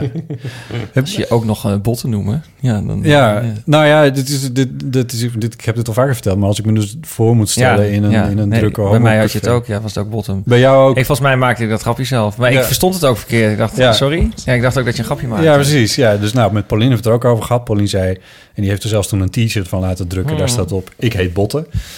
Eh, Die zei van, je moet, je moet het anders zeggen. Je moet zeggen, ik heet Botten en niet ik ben Botten. Ja, oh ja, ik heet botten, ja. Ja, Oh ja. Nou, dat doe ik sindsdien trouw. Maar om heel eerlijk te zijn, heel veel verschil maakt het nog niet. Eh, in die drukke cafés gaat het iets beter. Maar als we dus pizza's bestellen of zo, dan zeg ik gewoon Jelle. Van, hè, als ze dan een naam willen weten, dan, dan geef ik de naam Jelle. Want ik denk van, als ik beland in een discussie waar ik op dit moment echt helemaal geen zin in heb, meneer ja, de ja. pizza ja, ja. bakker. De pizzabakker zegt er niet van... Ja, ik weet niet. Ja, hoe spel je dat dan? En dan krijg je van die Oh, Starbucks, bij Starbucks, eh, ja, ja, ja. dingen. Oh, heb ik helemaal... Dat vind ik sowieso gênant. Ja. Dat je dan... Johan, een medium DKV latte met sojamelk. Johan. Dan denk ik, oh, Ja, nee, dan moet je ook gewoon gaan we dan al meteen. Heb jij een eh, standvastige relatie met je naam? Eh, ik vind Johan een iets te slappe naam. Ik zou het iets te slap vinden. Er zit geen enkele harde klank in eigenlijk. Een je en een he. Hmm. Ik vind O en een A vind ik wel mooi. Als opvolgende klinkers. Daarom heet mijn poes heet Rosa. Dus ook een O en een A. Oh. Vind ik op zich een mooie naam. Ja.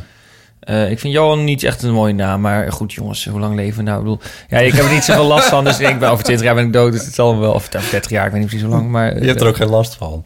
Nee, ik heb geen Nee. last van mijn naam. Nee, Nee, over nee. 20 jaar. Ja, Of ja. nou, in ieder geval, hoe oud wordt een mens? Ik heb dat net... ja, nou ja, dat is toch net als met dingen... Soms denk ik van, oh, zal ik niet hier iets aan laten doen of daar iets aan laten doen? Dan denk ik, joh, straks zijn we dood. Eh, straks, eh, ja, hoe lang duurt het dan nog? Je weet Wat het wil nog je niet. dan laten doen? Nou, ik heb voor mijn neustussenschot zit scheef. Dat is één ding. Zien? Nou, je vinger is weg. Nee, ik kan dus eigenlijk maar op één kant slapen. Want anders dan... eh, Ik kan alleen links slapen, dan kan ik rechts Oh, ademhalen. maar dat zie je niet. Nee, maar Nee, nee. er zijn bepaalde meditatietechnieken... waarbij je dan heel druk in moet ademen door je linkerneus... en uit moet ademen door je rechterneus. Geen Was- doen. En dat is, mensen zijn heel enthousiast over die techniek. Dus ik ging daar een keer heen.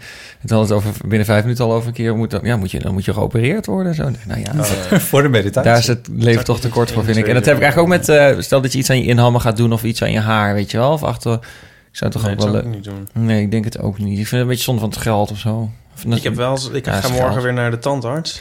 Ja, je hebt allemaal leuke Daar avonturen. wou ik net over beginnen, Ik heb ja. er erg veel zin in. Hoe gaat het daarmee? Je, had echt, je hebt ooit op Facebook zo'n hele doodenge foto. Oh ja, dat mijn voortand. eh, Oh. ja, die is net... Maar met zo'n stift, met zo'n eh, ijzeren stift. Ja, weet je, dat ik, heb daar nog, ik word nog steeds wel eens wakker van. Doodeng, ja. Ja, Nee, maar ik heb, hem, ik heb dit, dus deze in. foto gezien. Je, je Ja. pakt nu een boekje met zijn... eh, Ja, maar er was ook eentje maar er was waar eentje... Oh, waar een schroef in zat, Ja. in zijn kaak. Dat ik denk, Oh, jezus. Daar ga ik dus nooit meer mee naar bed, dacht ik. Maar Ja, maar, maar nu ik vond het wel ziet er dood, uit, Johan. nu ziet het er goed uit, Ivo. Nu zie je die schroef toch niet meer. Maar wel een lichte maar- verkleuring in je eh tandvlees. Ja, maar waar leg je dan de grens Sorry. van? Wat Oh, bedoel God, ik? zie je dat? Ja, je- oh sorry. Ja, ik ben benieuwd wat ze daar morgen van zegt. Het wordt heel zorgvuldig gemonitord morgen weer. Of dat nee, maar, dit, maar onder, het, onder verkleurd het heet. Morgen zal je zien eh, om een uur of half twaalf. Dan is het weer helemaal hier helemaal mooi wit. Ja, dan gaan ze het... eh, Dat is de schoonmaak... De hygiëne. maar dat, ik vind het dus wel... Dat, maar goed, eh, maar- Interieurverzorgster van je tanden. Ja. Nee, nou, nee, maar de tandarts doet het zelf. Ik heb best een fantastische tandarts. Je hebt echt een lastig gebit dus eigenlijk. Een lastige relatie met je gebit. Nou, het komt omdat ik knars met mijn tanden. En ik heb... S'nachts, eh, ecstasy. nee, maar dat... Nee, dat- ik deed dat al. Voordat ik ecstasy Voordat je ecstasy gebruikt, oké. Maar als mijn tanden wist ik ecstasy... Dan zou ze denk ik helemaal gek worden. Ehm, maar dat... dat heeft- zeggen je ouders? Wat? Zeg je ou- oh. Nou, die weten dat ook niet. Maar Oh, die sorry. horen het meestal in deze podcast niet. zeker niet zo lang. Nee, maar dat heeft me een kies gekost. En een andere kies, die, dat is kiele kiele of ik die hou. Maar ehm, die tand is, daar ben ik al een keer opgevallen als kind. Dus Ja. het is een soort beetje een soort toeval eigenlijk. Op zich is mijn gebied niet Oh, zo'n ramp. Maar er zijn gewoon wat dingen aan de hand. Ja, maar dit is, de- dit is dus iets waar je wel wat aan doet. Want jij zegt van, van hoe lang leef je nou en waar besteed je nou je tijd aan en wat doe je, laat je nou doen. Maar je legt ergens een Ja, maar ik grens. denk dat als Johan Ja. zijn voortand zou missen, dat hij dat ook toch wel Tuurlijk Ja. zou- Ja. En als je nou heel veel last zou hebben van dat je, weet ik veel, dat je Nee, ik naam... heb ook van mijn voortanden is een beetje, die zijn een beetje scheef zo. En als ik een foto zelf zit een een beetje foto, naar achter. ja, als ik mezelf een foto zie, denk ik, ach jezus, Ja, lelijk. dat is bij mij ook heel erg. Maar dan denk ik ook van, ja, ja. Ik heb ja. dat ook heel erg. Maar, en ik, daar denk ik dus ook wel eens van, laat ik er nou wat aan doen. Maar ja, dan moet je dus anderhalf jaar met een beugel rondlopen. Daar heb ik ook geen zin in. Ja, maar ja, jongens, ze moeten het een beetje dan is het wel vinden. klaar. Ja. Maar dit, de- waar leg je de grens van? Waar, waar doe je wat aan en waar doe je niks aan? Doe, ik, bijvoorbeeld, doe ik sport- iets aan mijn naam? Ik sport niet eens. Oh ja, je naam. Ja. Ja. Nou, heb je dat al Nee, ja, Omdat, die, eh, hier heb ja. ik het al twee jaar over in deze Ja, ja, podcast. Bot, het is laat. Ik Nou, ik ik al honderd het keer is te laat voor heel- naam.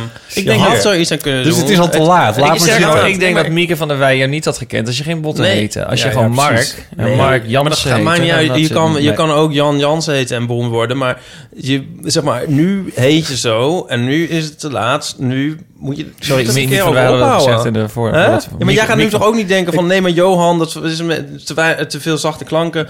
Eh, we maken er eh Hanko van of zo. Er is nog een K in. En Ik ben voor een Hanko Gozes. Dan gooi je toch, gooi je toch jaren werk weg?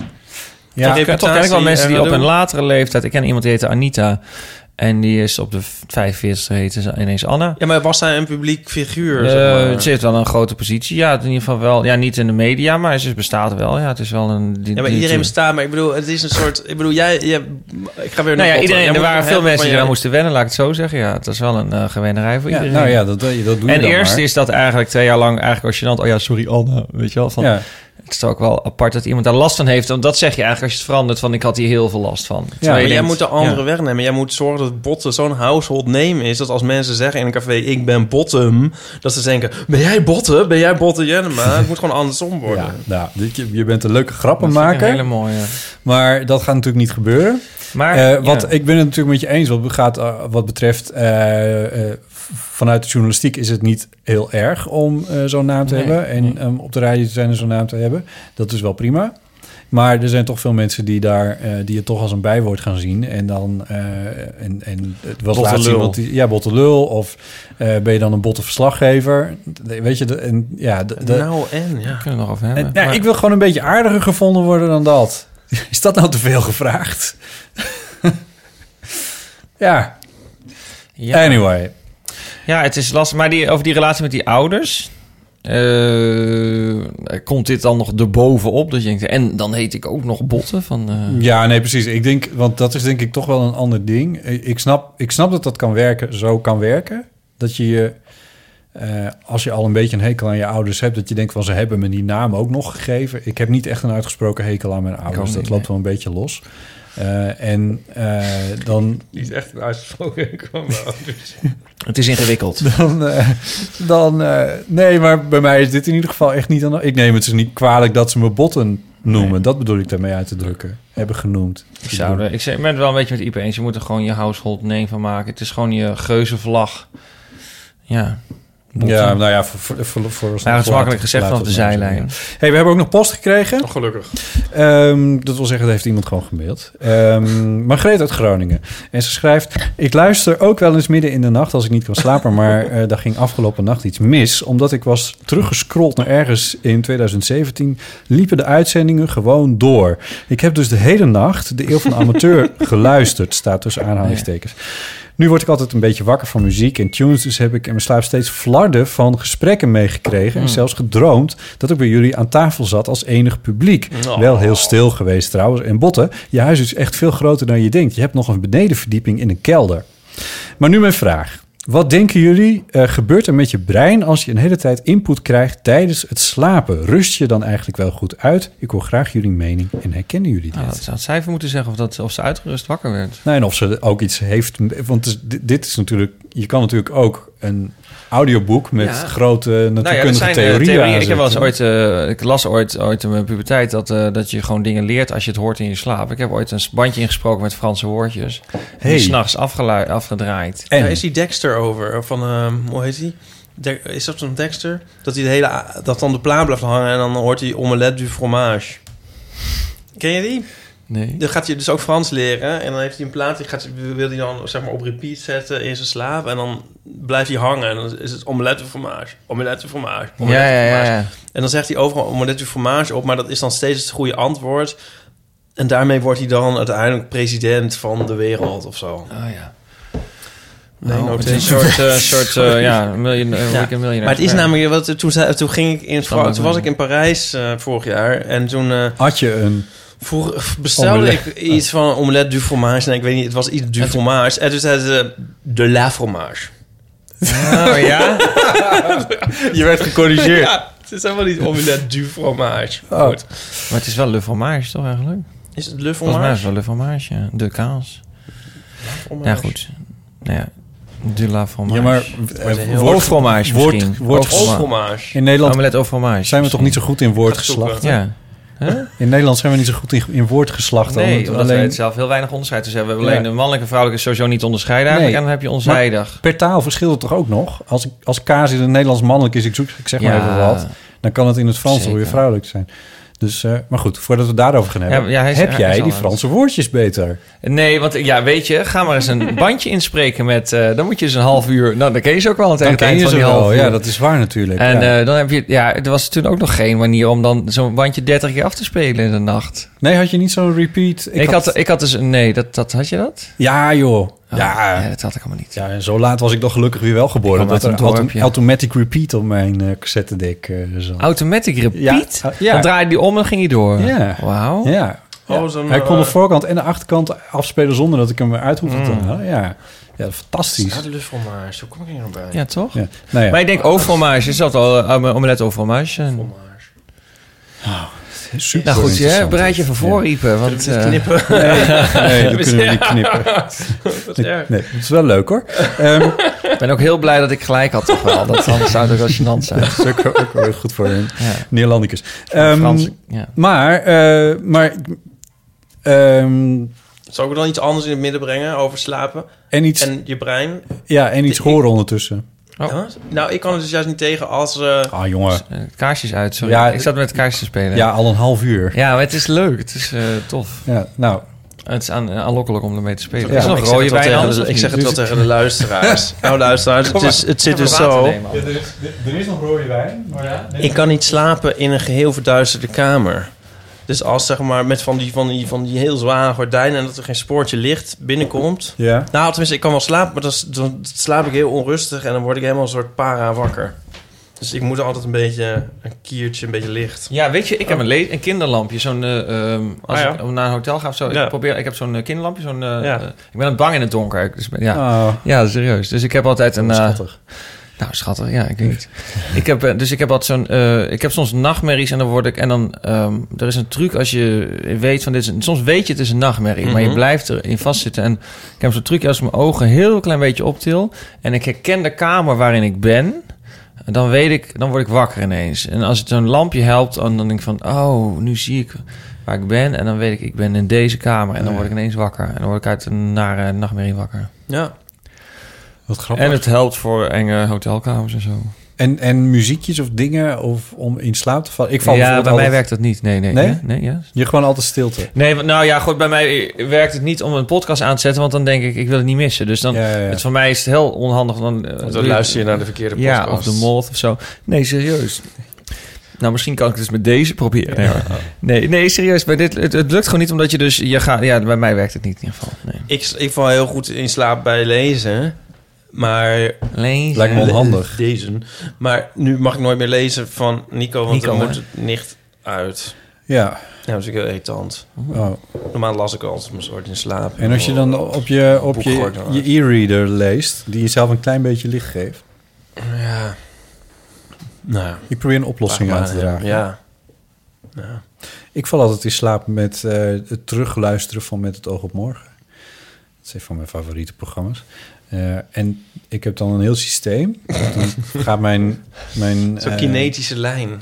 Mijn, mijn spelertje gaat na iets van, ik, wat is het, 28 minuten gaat hij uit. en dan slaap ik over het algemeen. Mm. En als hij langer aanblijft, dan word ik dus weer wakker. Ik heb wel eens meegemaakt dat ik dat dan vergeet aan te zetten. Dat hij na 28 minuten moet stoppen. Maar dan word ik er dus echt wakker van. Maar is het een herhaling die je al hebt gehoord of die je nog niet hebt Nee, gehoord? nee, kijk, Oh, ja. het ogenmorgen begint Ja, om dat weet 11 ik. uur s'avonds. ja. Eh, en om eh 12 uur kun je naar de Radio 1-app. Ja. Iets van 5 over 12 staat op de Radio 1-app al het vol, vorige uur. Dus dan kun je dat al... dus Ik ga een minuutje tussen 12 en half... Het is heel oninteressant. Ja. Nee, maar ik, ja, ik snap... De Wat, podcast staat om half 1 online. Dus als ik dan nog later ben, dan heb ik maar ben je dan niet bang om dingen te missen? Want dat is wat, waardoor het mij niet lukt om een podcast te luisteren. Omdat ik dan denk Ja. van, oh, dan eh, heb ik dit gemist. Nou, Ja. in de- bij dagen van groot nieuws is het dat een probleem. Nou ja. Want dan... een leuk eh, item. Je kan maar net vlak voordat je inslaapt een leuk item hebben. Dat je ja, denkt, maar, oh, dan nee, maar ik heb wel die soort van... Vingerverf, inge- inge- leuk. Ja. geruststelling. Dat ik dan weet van, oh, maar dit staat allemaal opgeslagen in die podcast. Dus het komt wel goed. Als ik dat morgen nog wil weten, dan... En dat wil ik dan nooit. Maar dan, ik kan ook gewoon Radio 1 aanzetten en dan gebeurt het ook. Dan val ik ook in slaap. Omdat, het, omdat als het niet al te groot nieuws is, dan is het, het zit vind ik het een enorme geruststelling dat dat er altijd oh, is. dat mensen bezig zijn. Dat er ja. altijd, op, zelfs op, op beetje- elk moment van de dag, 24-7, Ja. is er iemand in die Alsof- Radio Alsof 1-studio. er volwassenen beneden Ja, dat dacht ik ook als kind. Dat je dan, eh Ja. de visite is er nog. Klinkt Zoiets. gezellig, en dat heb ik dus met Radio 1. Natuurlijk, misschien ook wel omdat ik die mensen een klein beetje ken. Maar, Fascinerend. Ja, ik heb laatst Ja. met een boek lezen, had ik ook gewoon de tv aangezet, zodat ik gewoon een rustig een boek kon lezen. Nou, er is iets aan de hand, maar ik ga een boek lezen. ja, ja, Ja. maar ik heb dat soms. Ik kan heel, heel, heel onrustig worden van het idee dat, dat, dat, dat, dat er geen connectie is met de buitenwereld. Ja, dat er ja, niemand zit op te letten of zo. Maar Ja, dat, let er dat- nog iemand op de wereld, jongens. Ja. ja. maar ik ben dan te bang om dingen te missen. Ik heb wel dus ooit, ik heb jarenlang, eh, de, en dit heb ik echt heel vaak geluisterd, de, de marathon-interview met eh Rijk de Ja. Gooier. Hmm. Rijk de Gooier had een, een marathon-interview over, en dan eh, met name het tweede of het derde uur gaat over zijn tijd, de oorlogstijd. Oh, en die heb hetzelfde ik, interview luisterde Hetzelfde interview heb ik jarenlang, vlak voordat ik ging slapen, luisterde ik dat een uur lang. En dan viel ik in slaap. Ja, ja. Oh, echt? Ja, ja, soms moest ik twee Je uur bent wel luisteren. een beetje een monomaan persoon. ik ben absoluut een monomaan persoon. Maar dat kun je, je kan dat interview dus Die kan ik echt woordelijk- eh, ja, ja, ja, ja, gods kan leren. Maar dat is ook echt een briljant interview. Het is echt... Als je die ooit kan luisteren... komen we toch een klein beetje terug bij mijn greet. Dat als je maar lang genoeg Ja, slaap valt met iets, dan ren je het vanzelf uit je Je hoofd. moet ja ook voor, want Ja. als je dus heel erg Oh, ja. van die rituelen optuigt, dan is dat zet je natuurlijk een val voor jezelf. En dan kom Moet je er je nooit meer vanaf. Ja, en dan komt er straks nog iets toch het bij hele dat je dan leven? ook een theedoek om je hoofd moet doen of zo. En dan voor je het weet, moet je god weet wat voor je. Dat is met optreden, hè. Dat is mensen, sommige mensen doen dat voor een optreden. Ja. doen ze allerlei dingen. Dat heb ik dan En niet. dan kan maar het niet meer anders. ik heb, bij mij eh, verspe- eh, ver- verschuift de angst zich altijd. Dus dan eh, ineens denk ik van... eh, oh mijn god, ik kan niet meer slikken. Weet je, dan sta ik... Tegenwoordig sta ik dan achter een doek voordat ik opkom. Sta ik dan eh, vrijwel naakt achter een doek. En dan eh, hoor ik al een liedje en dan moet ik bijna op.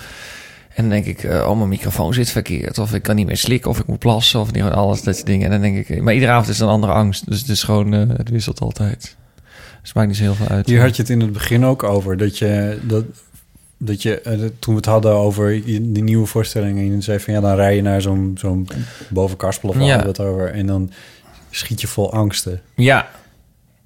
Oh ja, nee, ik ben wel een zeer angstig persoon. Ja. Ik heb heel veel angsten. Ik denk altijd dat als dingen niet...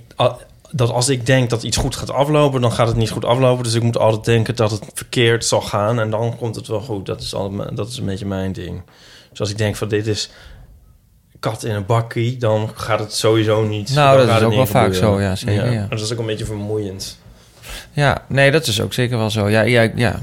Hoe, Ja. hoe beteugel je ze? Nou, ik, ik ga ze aan eigenlijk heel veel. Dus ik heb heel veel dingen gedaan omdat ik er bang voor was. Dus lesgeven op een ROC was ook omdat ik er bang voor was. Eh, ik zat eh, toen, ik was een soort cabaretier die alleen maar thuis de krant zat te lezen. En dan eh, echt ook een soort eh, angst voor Marokkanen ontwikkelde. Dat je denkt van, slaat het eigenlijk nog? Slaat het nog eigenlijk wel ergens op, weet je wel? Als je alle kranten leest, dan, ja, dan neem je al dat soort dingen ook tot je. En toen ben ik dacht, nou, dit is eigenlijk een hele goede uitdaging, ja. Is dat ook hoe jij in, eh wat was het, Kenia terecht bent gekomen? Ghana, ja. Ghana, sorry. Ja, daar had ik dan toch ook nog wel zin in hoor. Toen. maar ik vond het allemaal doodeng. Nou ja, kijk, het punt is. heb je een jaar gezeten, toch? Een jaar, Ja. ja, een half jaar. Nee, ik Ja. ben een paar keer terug geweest.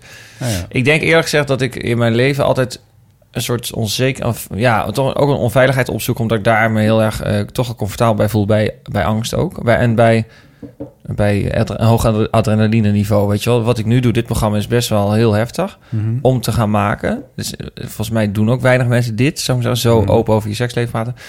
Maar dat geldt ook voor. eh, nou ja, ik denk dat het je hechtingstijl is, als ik nog heel diep psychologisch mag zijn. Ja? Ik vond het minder eng om naar Afrika te gaan, om malaria te krijgen, om eh, busongelukken mee te maken, dan, dan om uit de kast te komen tegenover mijn ouders, zou ik maar zeggen.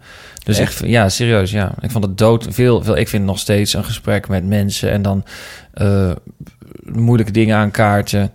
Vind ik nog steeds moeilijker dan welke eh, angst dan ook. Ja, ja. Dus ik, ja. Vond je deze podcast ook eng? Nee, helemaal niet. Nee, dat is allemaal heel lekker uh, low-key. Nou goed, ja, ik heb nu, nou goed, ik weet, ja. Ik heb Heel ook wel ingewikkelde amateur, ouders. leuker dan malaria. Ja, zeker. Nee, met die ouders hebben ook wel een ingewikkelde relatie. En eh, eh, nu, zeker nu na deze voorstelling, het is, het is ook niet heel, per se heel goed gevallen bij mij thuis. Dus dit- Nee? Ja, Oh. nee. Nou, daar moeten we het allemaal nog over hebben. Het is eh, heel onduidelijk wat er nou precies... Ze zijn geweest. Ja, en toen waren ze heel eh, vriendelijk. Maar goed, ja. Ik weet niet meer helemaal dat episodisch en hoe dat zat. Maar ik, wat ik me- herinner was wel wel een liefdevol beeld. Zeer, ja, ja, ja. Maar het, volgens mij gaat het daar ook niet om. Maar goed, ik heb momenteel niet zoveel contact met mijn ouders. Dus ik denk niet dat het daarom ging eigenlijk. Het is meer... Ik Is denk die seks, dat je- eigenlijk die seks eigenlijk, dat dat het is. En dat is wel een ding. Kijk, iedereen... Dat is ook een van de vragen die bijvoorbeeld een journalist het meest stellen. Van, hé, wat vind je de ouders ervan? En hou ik me altijd een beetje op de vlakte. Maar het is eigenlijk... eh, een hele rare vraag ook, weet je wel. Dat ik ben 35, hè? En dan Ja. vragen mensen dus wat vinden je ouders ervan? Dus dat is ook het fascinerende aan het onderwerp seks. Van, ja, jeetje, als, wat vinden je ouders ervan? Terwijl je denkt, ja, ja gewoon, nogmaals, ik ben 35. Ja. ja. Ja, het is jouw leven. Je mag ondertussen leven, zelf ja. ook iets eh, Ja. vinden en doen. En, Dus maar ik had dit eh, nooit verwacht, deze ja, ophef aan het thuisgrond in ieder geval. Dus ik voel me een soort Jan Wolkers of zo. Het is heel apart. Ja. Wil, je, eh, wil je er iets over vertellen of moeten we erover ophouden? Ja, nee, ja, ik weet niet zo goed, want ik probeer het ook niet... het- is- Zeg maar als je niet wil vertellen. Nee, Ik- ja, ik weet niet Je goed zei wat- net, de, de, het contact ligt even stil. Was daar een Ja. aanrijding voor? Nou ja, wat ik mijn ouders hier kwalijk neem is dat ze dan... Nou ja, mijn ouders hebben de neiging om een vlak voor een grote... Een première is een grote prestatie. Die moet je Mhm. een grote prestatie leveren. En die heeft effect jaren daarna eigenlijk. Eh, Ik heb wel eens een slechte première gehad. En dan heb je daarna echt twee jaar geen werk of bijna geen Mhm. optredens. Eh, Dus, en je hebt, er, aan de andere, je hebt er anderhalf jaar aan gewerkt. En eh, nou ja, mijn ouders hebben de neiging, laat ik zo zeggen, om me vlak voor een grote prestatie, of in ieder geval mijn moeder, om me dan onderuit te halen eigenlijk. Ouders zijn sowieso, hebben de neiging, ja, mijn ouders, ik ben misschien ook overgevoelig voor mijn ouders hoor, want ik bedoel, ze bedoelen dat niet? misschien niet. Mhm. Ja, precies. Als twee mensen in de wereld mij onderuit kunnen halen met één blik of één woord, dan zijn het mijn ouders. En die kunnen echt... eh, ik geloof ook niet dat ze per se het leuk vinden dat ik cabaretier ben geworden. Dat denk ik eerlijk gezegd niet. Nee, Hmm. ik denk dat ze liever hadden gehad dat ik gewoon leraar was geweest of zo. Ja. En daar ben ik op zich wel, ja, op zich al vrede mee. Wil je vertellen wat ze heeft gezegd of gedaan? Nou, nou ja, dat voelt misschien een beetje ver. Ook omdat het eh, de privé van mijn ouders is dan. Maar er wordt dan, ik had een hele lastige week. Die ex voor mij was toen die week overleden. Ik had, en toen had ik vier avonden in de kleine februari. Ja, in eind februari. En toen kreeg ik ook nog mijn ouders over me heen. eh, de dag voor de première. Dus toen dacht ik, eh, zoek het even lekker uit, zeg. Ja. Ehm, dus toen ben ik zelf eigenlijk degene die het contact heeft verbroken. Omdat ik denk van, ik heb hier eh, helemaal geen zin in. Nee. Maar ehm, ja, je maakt ook een programma niet voor je ouders. En het is... Nee. Nou ja, wat je zegt, je bent 35. je bent 35, hè? Ja. Jongen, jongen, jongen. Ja, dit is, dit is een- Maar het, de ouders zitten diep. En eh, ja, ik, ik hou zeer veel van mijn ouders, hoor. Maar het is een eh, ingewikkeld slag eh, mensen überhaupt. Mijn ouders zijn sowieso heel ingewikkeld. Hmm. Ja, ze zitten, ze zitten veel in mijn voorstelling. Dus... Je bedoelt, je hebt het over ze. Maar goed, ja, zeker, ja. Maar het is eh, ook zo grappig, hè. Want ik, het is ook wel zeker wel in me opgekomen... dat ik denk van, eh, ja, je kan wel wachten tot je ouders dood zijn met zo'n programma. Want dat is wel een beetje de teneur van iedereen van... en je ouders dan, en je ouders dan. Maar dat vragen ook gewoon journalisten van 40 of van 50 of van Mhm. 60. En dus Ja, ouders zitten zo... We zijn zoogdieren, hè. We zijn van alle dieren. Ja. Van, en ook van alle zoogdieren worden wij het langste opgevoed door onze ouders. Namelijk zo'n zo'n 16 of 18 jaar lang. Ja. Dat is gigantisch lang. Dus Ja. je... Eh, je bent zo gespitst op die ouders. Ik kan echt afstuderen op die mensen. Elke, elke blik ken ik, elk woord ken ik. Ik weet wat dit betekent, weet wat dat betekent. En ja, dus alles komt eh, snoeihard aan. En ja, en, ja, maar ik heb wel op een gegeven moment mee. Ik, op een gegeven moment wist ik van. Ik denk dat ik heel vaak eh, hoopte door cabaret te doen, door succes te hebben, in ieder geval indruk te maken op mijn ouders. En op een gegeven moment ben ik wel achterkomen dat gaat gewoon niet gebeuren, dat gaat niet lukken. En dus moet je, dus snap je, dus dan moet je realiseren van, oh nee, eh, dat gaat hem niet worden sowieso. Ze vinden het eigenlijk jammer dat ik dit vak doe eigenlijk. Ja, Maar bedoel je dat, je, dat het je, je eigenlijke motivatie was? om- Ergens wel, denk ik, ja. Nou, ik denk ergens dat dat wel een van de motivaties was. Ja, dat je kan laten zien dat je wel iemand bent, dat je wel belangrijk bent. Of in ieder geval dat je iemand bent die, ja, ja dat je niet niks bent of zo, zou ik maar zeggen. Ja, ja. Hmm. ja, ik denk dat het wel... Ik heb wel eens gedacht vroeger van... als ik één avond zou hebben voor vrienden en familie... en dat de perfecte avond zou zijn... en dan hoef ik eigenlijk nooit meer op te treden eigenlijk. Snap je? Omdat dat je dan aan de mensen... dat je mensen laat zien dat je... ik ben het waard, ik ben iets. Of ik ben... Ik ben eh, ja. Maar bij mij is dat... ik kom uit een... nou, niet uit een Calvinistisch nest... maar wel uit een zeer Nederlands nest... in die zin van... eh, alles wat ik zeg... Al over, als ik zeg moet morgen optreden... dan, dan klinkt dat alles opschepperij. Dus het is... eh, ik moet... Weet je, het is heel, ik moet op eieren lopen... als ik over mijn eh, vak wil praten... Als ik tegen mijn ouders zeg, bijvoorbeeld van, daar ging mijn vorige show over. Als ik tegen mijn ouders zeg van, ja, kom binnenkort een boek, van boek uit met een kort verhaal van mij daarin. En dan zegt mijn moeder, oh, is dat een soort gratis boek? Ik zeg, nee, dit is gewoon een boek, weet je, het is gewoon een boek met, eh, met korte verhalen erin. Oh, zegt mijn vader, is dat zo'n zo'n boek dat dan heel, voor heel weinig geld bij de kassa ligt als mensen iets anders willen kopen? En dan kopen ze ook nog dat boek. Ik zeg, nee, het is gewoon een korte verhalenbundel met Jan Siebeling erin, allemaal mensen. Ehm, maar goed, ik weet ook als ik zeg tegen mijn ouders van... er komt een kort verhaal van mij in een boek... dat ik dan, als ik daar geen... Als ik dat zo zeg, dan is dat opschepperig. Dat, dat hoor ik ook. Er komt een Hmm. boek van mij... Er komt een kort verhaal van mij in een boek. Nou, dat, dat is eigenlijk... Als je, daar niet, als je dat niet downplayt... is dat eigenlijk al Ja, opscheppen. Ja, ja.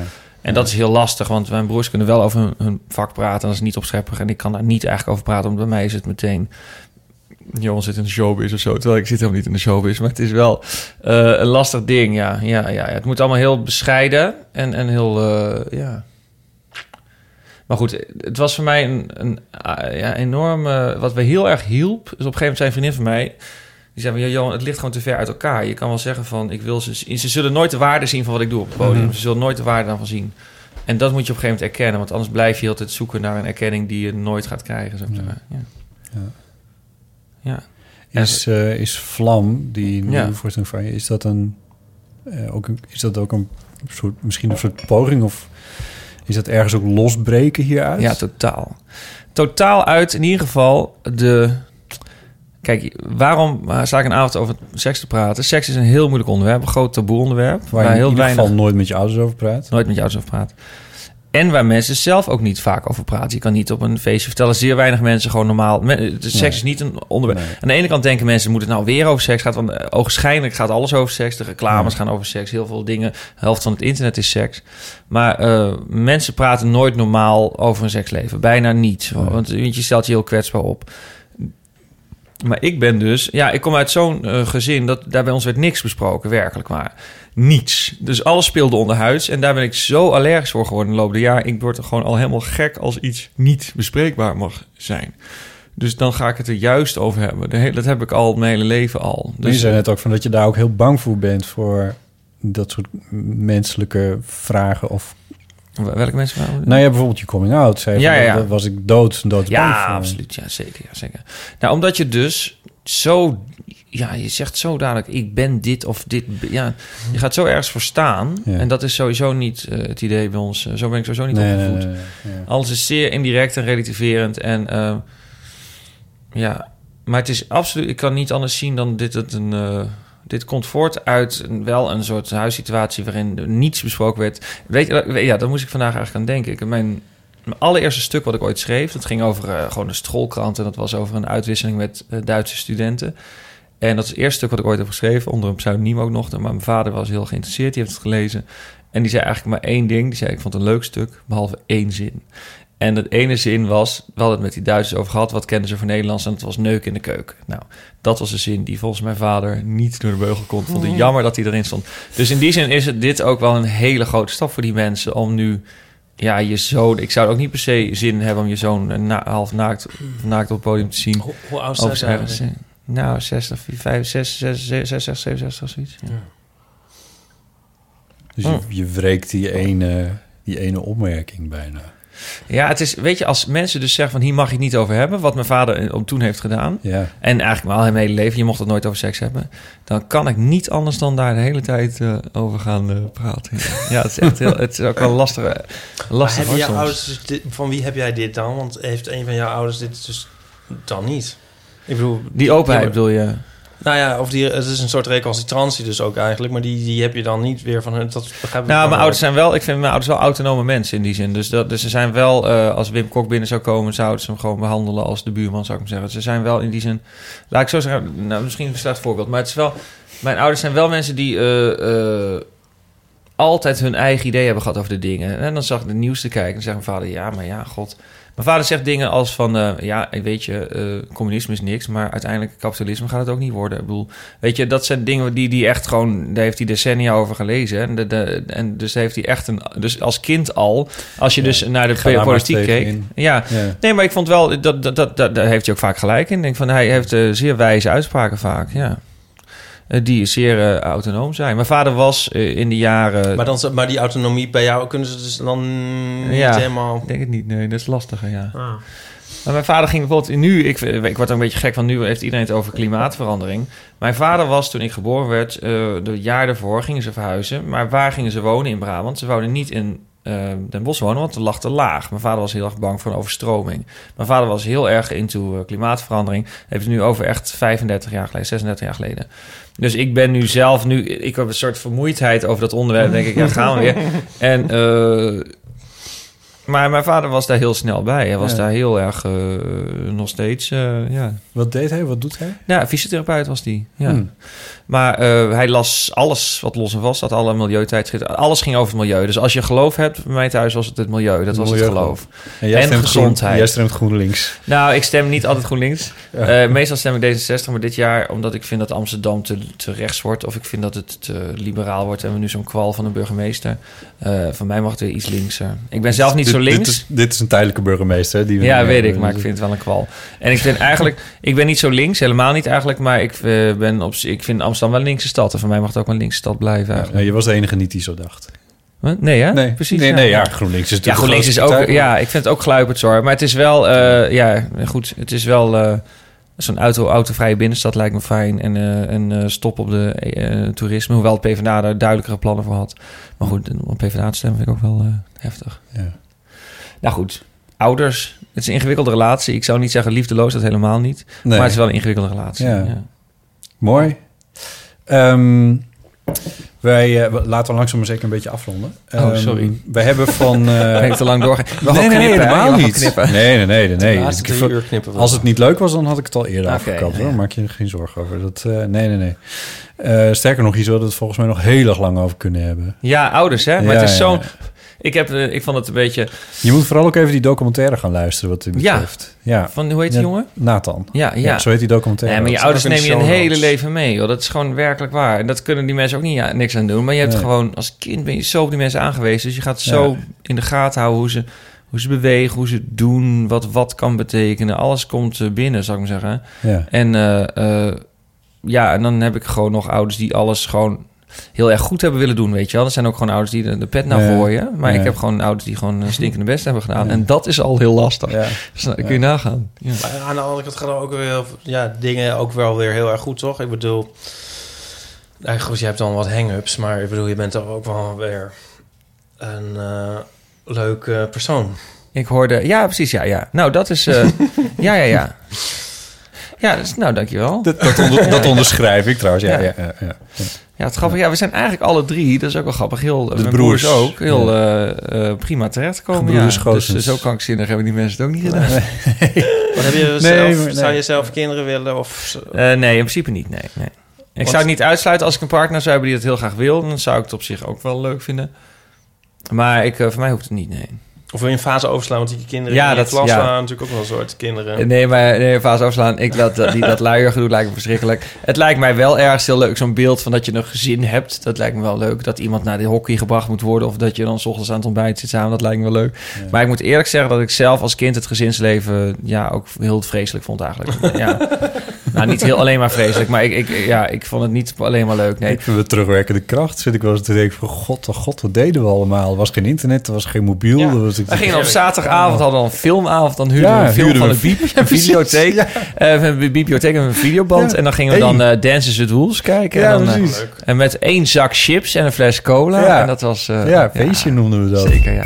Anyway, we mogen van het bedrijf Storytel, ehm, die maken audioboeken, Mhm. eh, mogen wij deze koptelefoon weggeven. Dat wil zeggen een variant hierop. Ehm, en die geven wij iedere keer weg aan eh, een van onze inbellers op de EOFoon. Eh dus dan moeten we eventjes een keuze uitmaken eh, nu. Wie gaan wij belonen met dit mooie stel hoofdtelefoon, een koptelefoon? Ehm, de berichtjes die we op de EOFoon hadden waren eh, van Nathan over ouders en namen. Een berichtje van eh, Jos over jouw eh, Twitter en stemhokjes eh, incident. Eh, en Geeske, die vroeg waar jij je inspiratie vandaan hield, wie je voorbeeld Ja. was. Dat Ja, ik ben dan voor Jos, want ik vond het wel fijn dat ze dat zo vroeg van wat zou je dit zou je dit doen als zou je dit Ja. inderdaad doen? Het is een belangrijke vraag, ja. Ja. Ja. Doen? Zeker. Mooi. Jos, je krijgt eh, de Leuk, Urban dus Ears ik heb hem in mijn hand. Dat is een mooi bijzonder dingetje. Ja, het is heel fijn. Je kijkt wat ik ook heel leuk vind. Ja. Nou ja, nee, ja, lach er maar om. Maar niet iedereen heeft dat. Nee, dat is- Kijk, ja. hier zit nog hier een koptelefoon uitgang op de koptelefoon. Nee, maar Dus de je- luisteraar moet weten dat je dit echt meent, want het klinkt nu alsof dit gescript is. Ja, dat maar is het niet. echt, ik zit niks voor te lezen. Spontaan, dat is toch leuk? Dan, stel dat je... Ja. dat- want dan, Iemand kan meeluisteren. Je kan met z'n tweeën luisteren naar hetzelfde dat. muziekje, wat dan ook maar. Oh, het is een heel romantisch ding, Jos. Ja, eigenlijk wel. Ja. ja, dus dat is heel erg leuk. Ehm, ehm, Nou, er zijn nog wat iTunes-recensies, die lees ik ook altijd even netjes Ja, voor. Want eh, eh, hoe, hoe meer mensen daar iets achterlaten, hoe hoger we daar in de rating stijgen. En dat willen we heel graag. Ehm, zoals een Nissan Hoi en een Y tussen haakjes en een C tussen haakjes en een smiley en een nog een smiley. Ik snap die, ik weet niet wat gaat is. Doen we dat reverse engineeren, zo emojis? Ja, ja precies. Emoticons. Dat, dat werkt dus. Tussen? kunnen, we, dat kunnen we dus concluderen dat emojis niet werken op. ehm, In de iTunes. in de iTunes reacties. Dan was er nog een speaker die zei: Leukste podcast ooit. Ik heb ze vanaf aflevering 1 allemaal geluisterd, teruggeluisterd. En sommige ook meerdere keren. Wat je in die tijd had kunnen doen. Ja, grappig, gaat over niets, maar is toch leerzaam. Denk je niet dat ook zo'n podcast ook de behoefte is om vrienden te hebben? Je zit, je zit naar Oh. vrienden te luisteren. Je zit met vrienden aan een tafel, toch? Dat is een Keuken- soort- onze keukentafel, mijn keukentafel, Ja, ja, ja, ja. jouw keukentafel. Ja, ja. Maar zitten er vaak hier mensen? Nee, nee maar het is... eh, zit je al dag alleen? Nee, maar het is... eh, het is ik, ik merk... eh, Dat is, Nee, je toen wil ik het dus wel het genre... hebben. Nee, maar, toen ik het genre probeerde te vatten... Toen dacht ik, oh ja, het is Ja. eigenlijk alsof je met vrienden zit... Eh, alleen maak je geen faux pas. Dus je maakt geen... eh, op, wat vind ik het lastig altijd met vrienden... dat je dan nog dagen denkt... oh, wat heb ik nu weer gezegd? Of, Heb je eh, dat nu niet? nou, dat komt misschien niet, maar dit, dit is, het is gewoon werk. Dus eh, maar dit is voor andere mensen is dit verpo- verpozing. Maar eh, Ja, precies. nee, ja, ja, nee, nou ja, kijk, je, je hebt podcasts natuurlijk in verschillende vormen. Je hebt ook muziekpodcast en Mm. je hebt ook van die reportageachtige journalistieke vorm eh, Ja, podcast. Maar de, de, de, de, babbel, de babbelpop. hè? De babbelpop. Ja, maar dat vind je dus bijna nergens Nee, maar wat, wat meer. was een ander wat ik heb vind dus... Ik vind ook die ene ook heel leuk. Die Amerikaanse, die Cathy of zo, over- die homoseksuele... Die heb ik ook een tijdje geluisterd. Nou ja, die, hebben jullie volgens mij aangeraden. Want ik heb van jullie gehoord. eh, De Lovecast? Nee, over... Nou goed. Oh, oh, die. Oh, wacht even. Was het niet Paulien die dat... eh, Eh, ongetwijfeld. Ja, ja. ja, die... Ach man. Die, Hartstikke leuk. Ja. Maar ook de, wat ik ook heel leuk vond, als je, als je goed leuke, grappige Engels wil horen.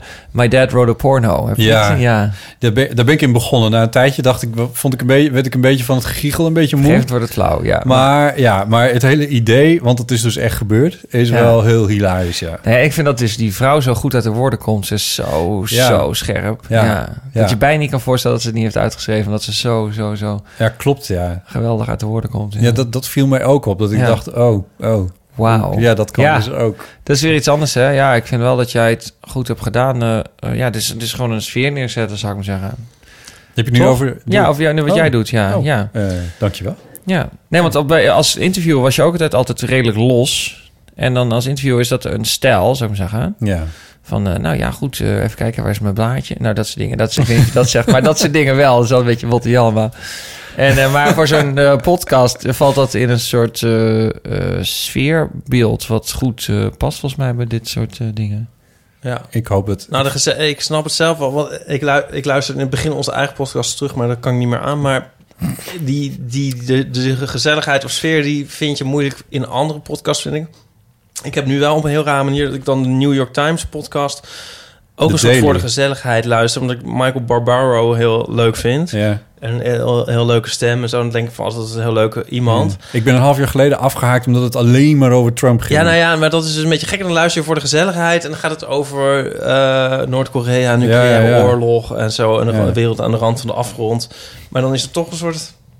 Wel gezellig. Toch een soort wel gezegd. Ja, maar hij doet het ook heel goed. Hij heeft een goed toontje te pakken. Of Ja. ook, alsof ik mezelf met hem mag vergelijken. Maar goed, hij doet het heel nou goed. ja, het is niet, altijd, is het niet voor iedereen voor zijn talent het zoeken naar de juiste vorm. Dus ben je toch de hele half leven mee bezig om te zoeken van... oh ja, dit is een, dit is een mooie vorm. Jij zegt het om, Ja. eh, om Bach maar even te citeren. Of wie heeft het libretto geschreven van Matthäus.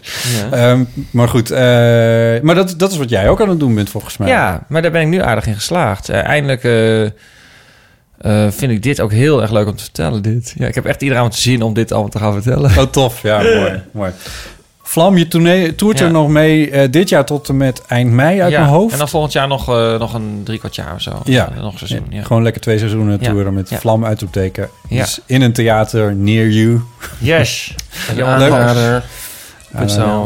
Zo. Ehm, Zullen we bijna zeggen. Moeten we de gast volgende keer bekend ja, we- nee, weet je wat we doen? We doen in het, in het trailertje weer. wordt het trailertje? Ja, dat zetten we gewoon lekker uit tot het trailertje. Ah, oké. Een nieuwsbrief. Ja. In een nieuwsbrief. hey, ja.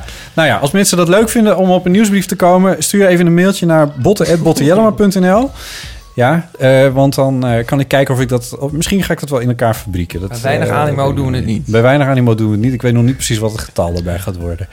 Ehm, Nou, meer, meer mensen, er moeten meer mensen een, podcast, een nieuwsbrief willen dan er, een, dan er bezig zijn om er eentje te schrijven. Ja, dat lijkt me Dus bij wel een plus soort begin. je al. begin Ja, dus op het podium is dat ook een wet van er moeten meer mensen in de zaal in de zitten zaal dan op het zit, podium staan. dan ermee bezig zijn om het Ja, te maken. Ja, ja, ja. precies. Oh Dat ja. heeft uiteindelijk Oh. het Metropoolorkest de kop gekost. Nou, nou, nou, ook nou. een artistieke ins- inzicht. Maar goed, Die bestaan nog gewoon. Ja, met helaas. Paul. Hoe- Sorry, wat? maakt niet uit. Nou ja, goed, zo mooi is dat er allemaal niet. UB40 dan Ja. heeft het uiteindelijk de kop gekost. Nou, ik, ja. Metropoolorkest? Ga je nu een lans brengen voor het Metropoolorkest? Ja, ik ga nou, wel- ik wil wel een wel een- glaasje wijn. Mag ik nog een eentje? Ja, dat gaan we Nee, lekker even offline doen. Of de volgende keer. Mag ik jou hartelijk danken Ja, voor leuk je om hier te zijn. Johan Goossens, je wel. Ik vond het echt heel tof. Eh, ging, het ook. ging ook echt ergens over. Dat nou, was ook goed wel zo. fijn. Fijn. Eh, Ipe, dank je wel dat je er weer was. Ja, graag gedaan. En, eh en Ik heel zit, leuk. mijn, eh, hè? ik zit even met een taxi van Amsterdam naar Amsterdam te regelen. Ja, precies. En, eh, en, en stiekem liet je het even vallen dat we de volgende keer ook alweer iets bijzonders hebben. Ga niet lekker niet zeggen Echt wat, niet? maar het is. Nou, ja, ik wil nu wel even weten. Ja, iets gaan- graag- dus een pas hint even na geven. gaan denken over een Ja. vraag. één hint. Misschien is een hint leuk. Nou, zal ik een hint geven zodat iedereen meteen helemaal weet? Zij zou meteen weten of eh, het telefoonnummer van de eeuwofoon wel of niet een priemgetal is. Oh, leuk, ja. Heel goed. Uit Leiden.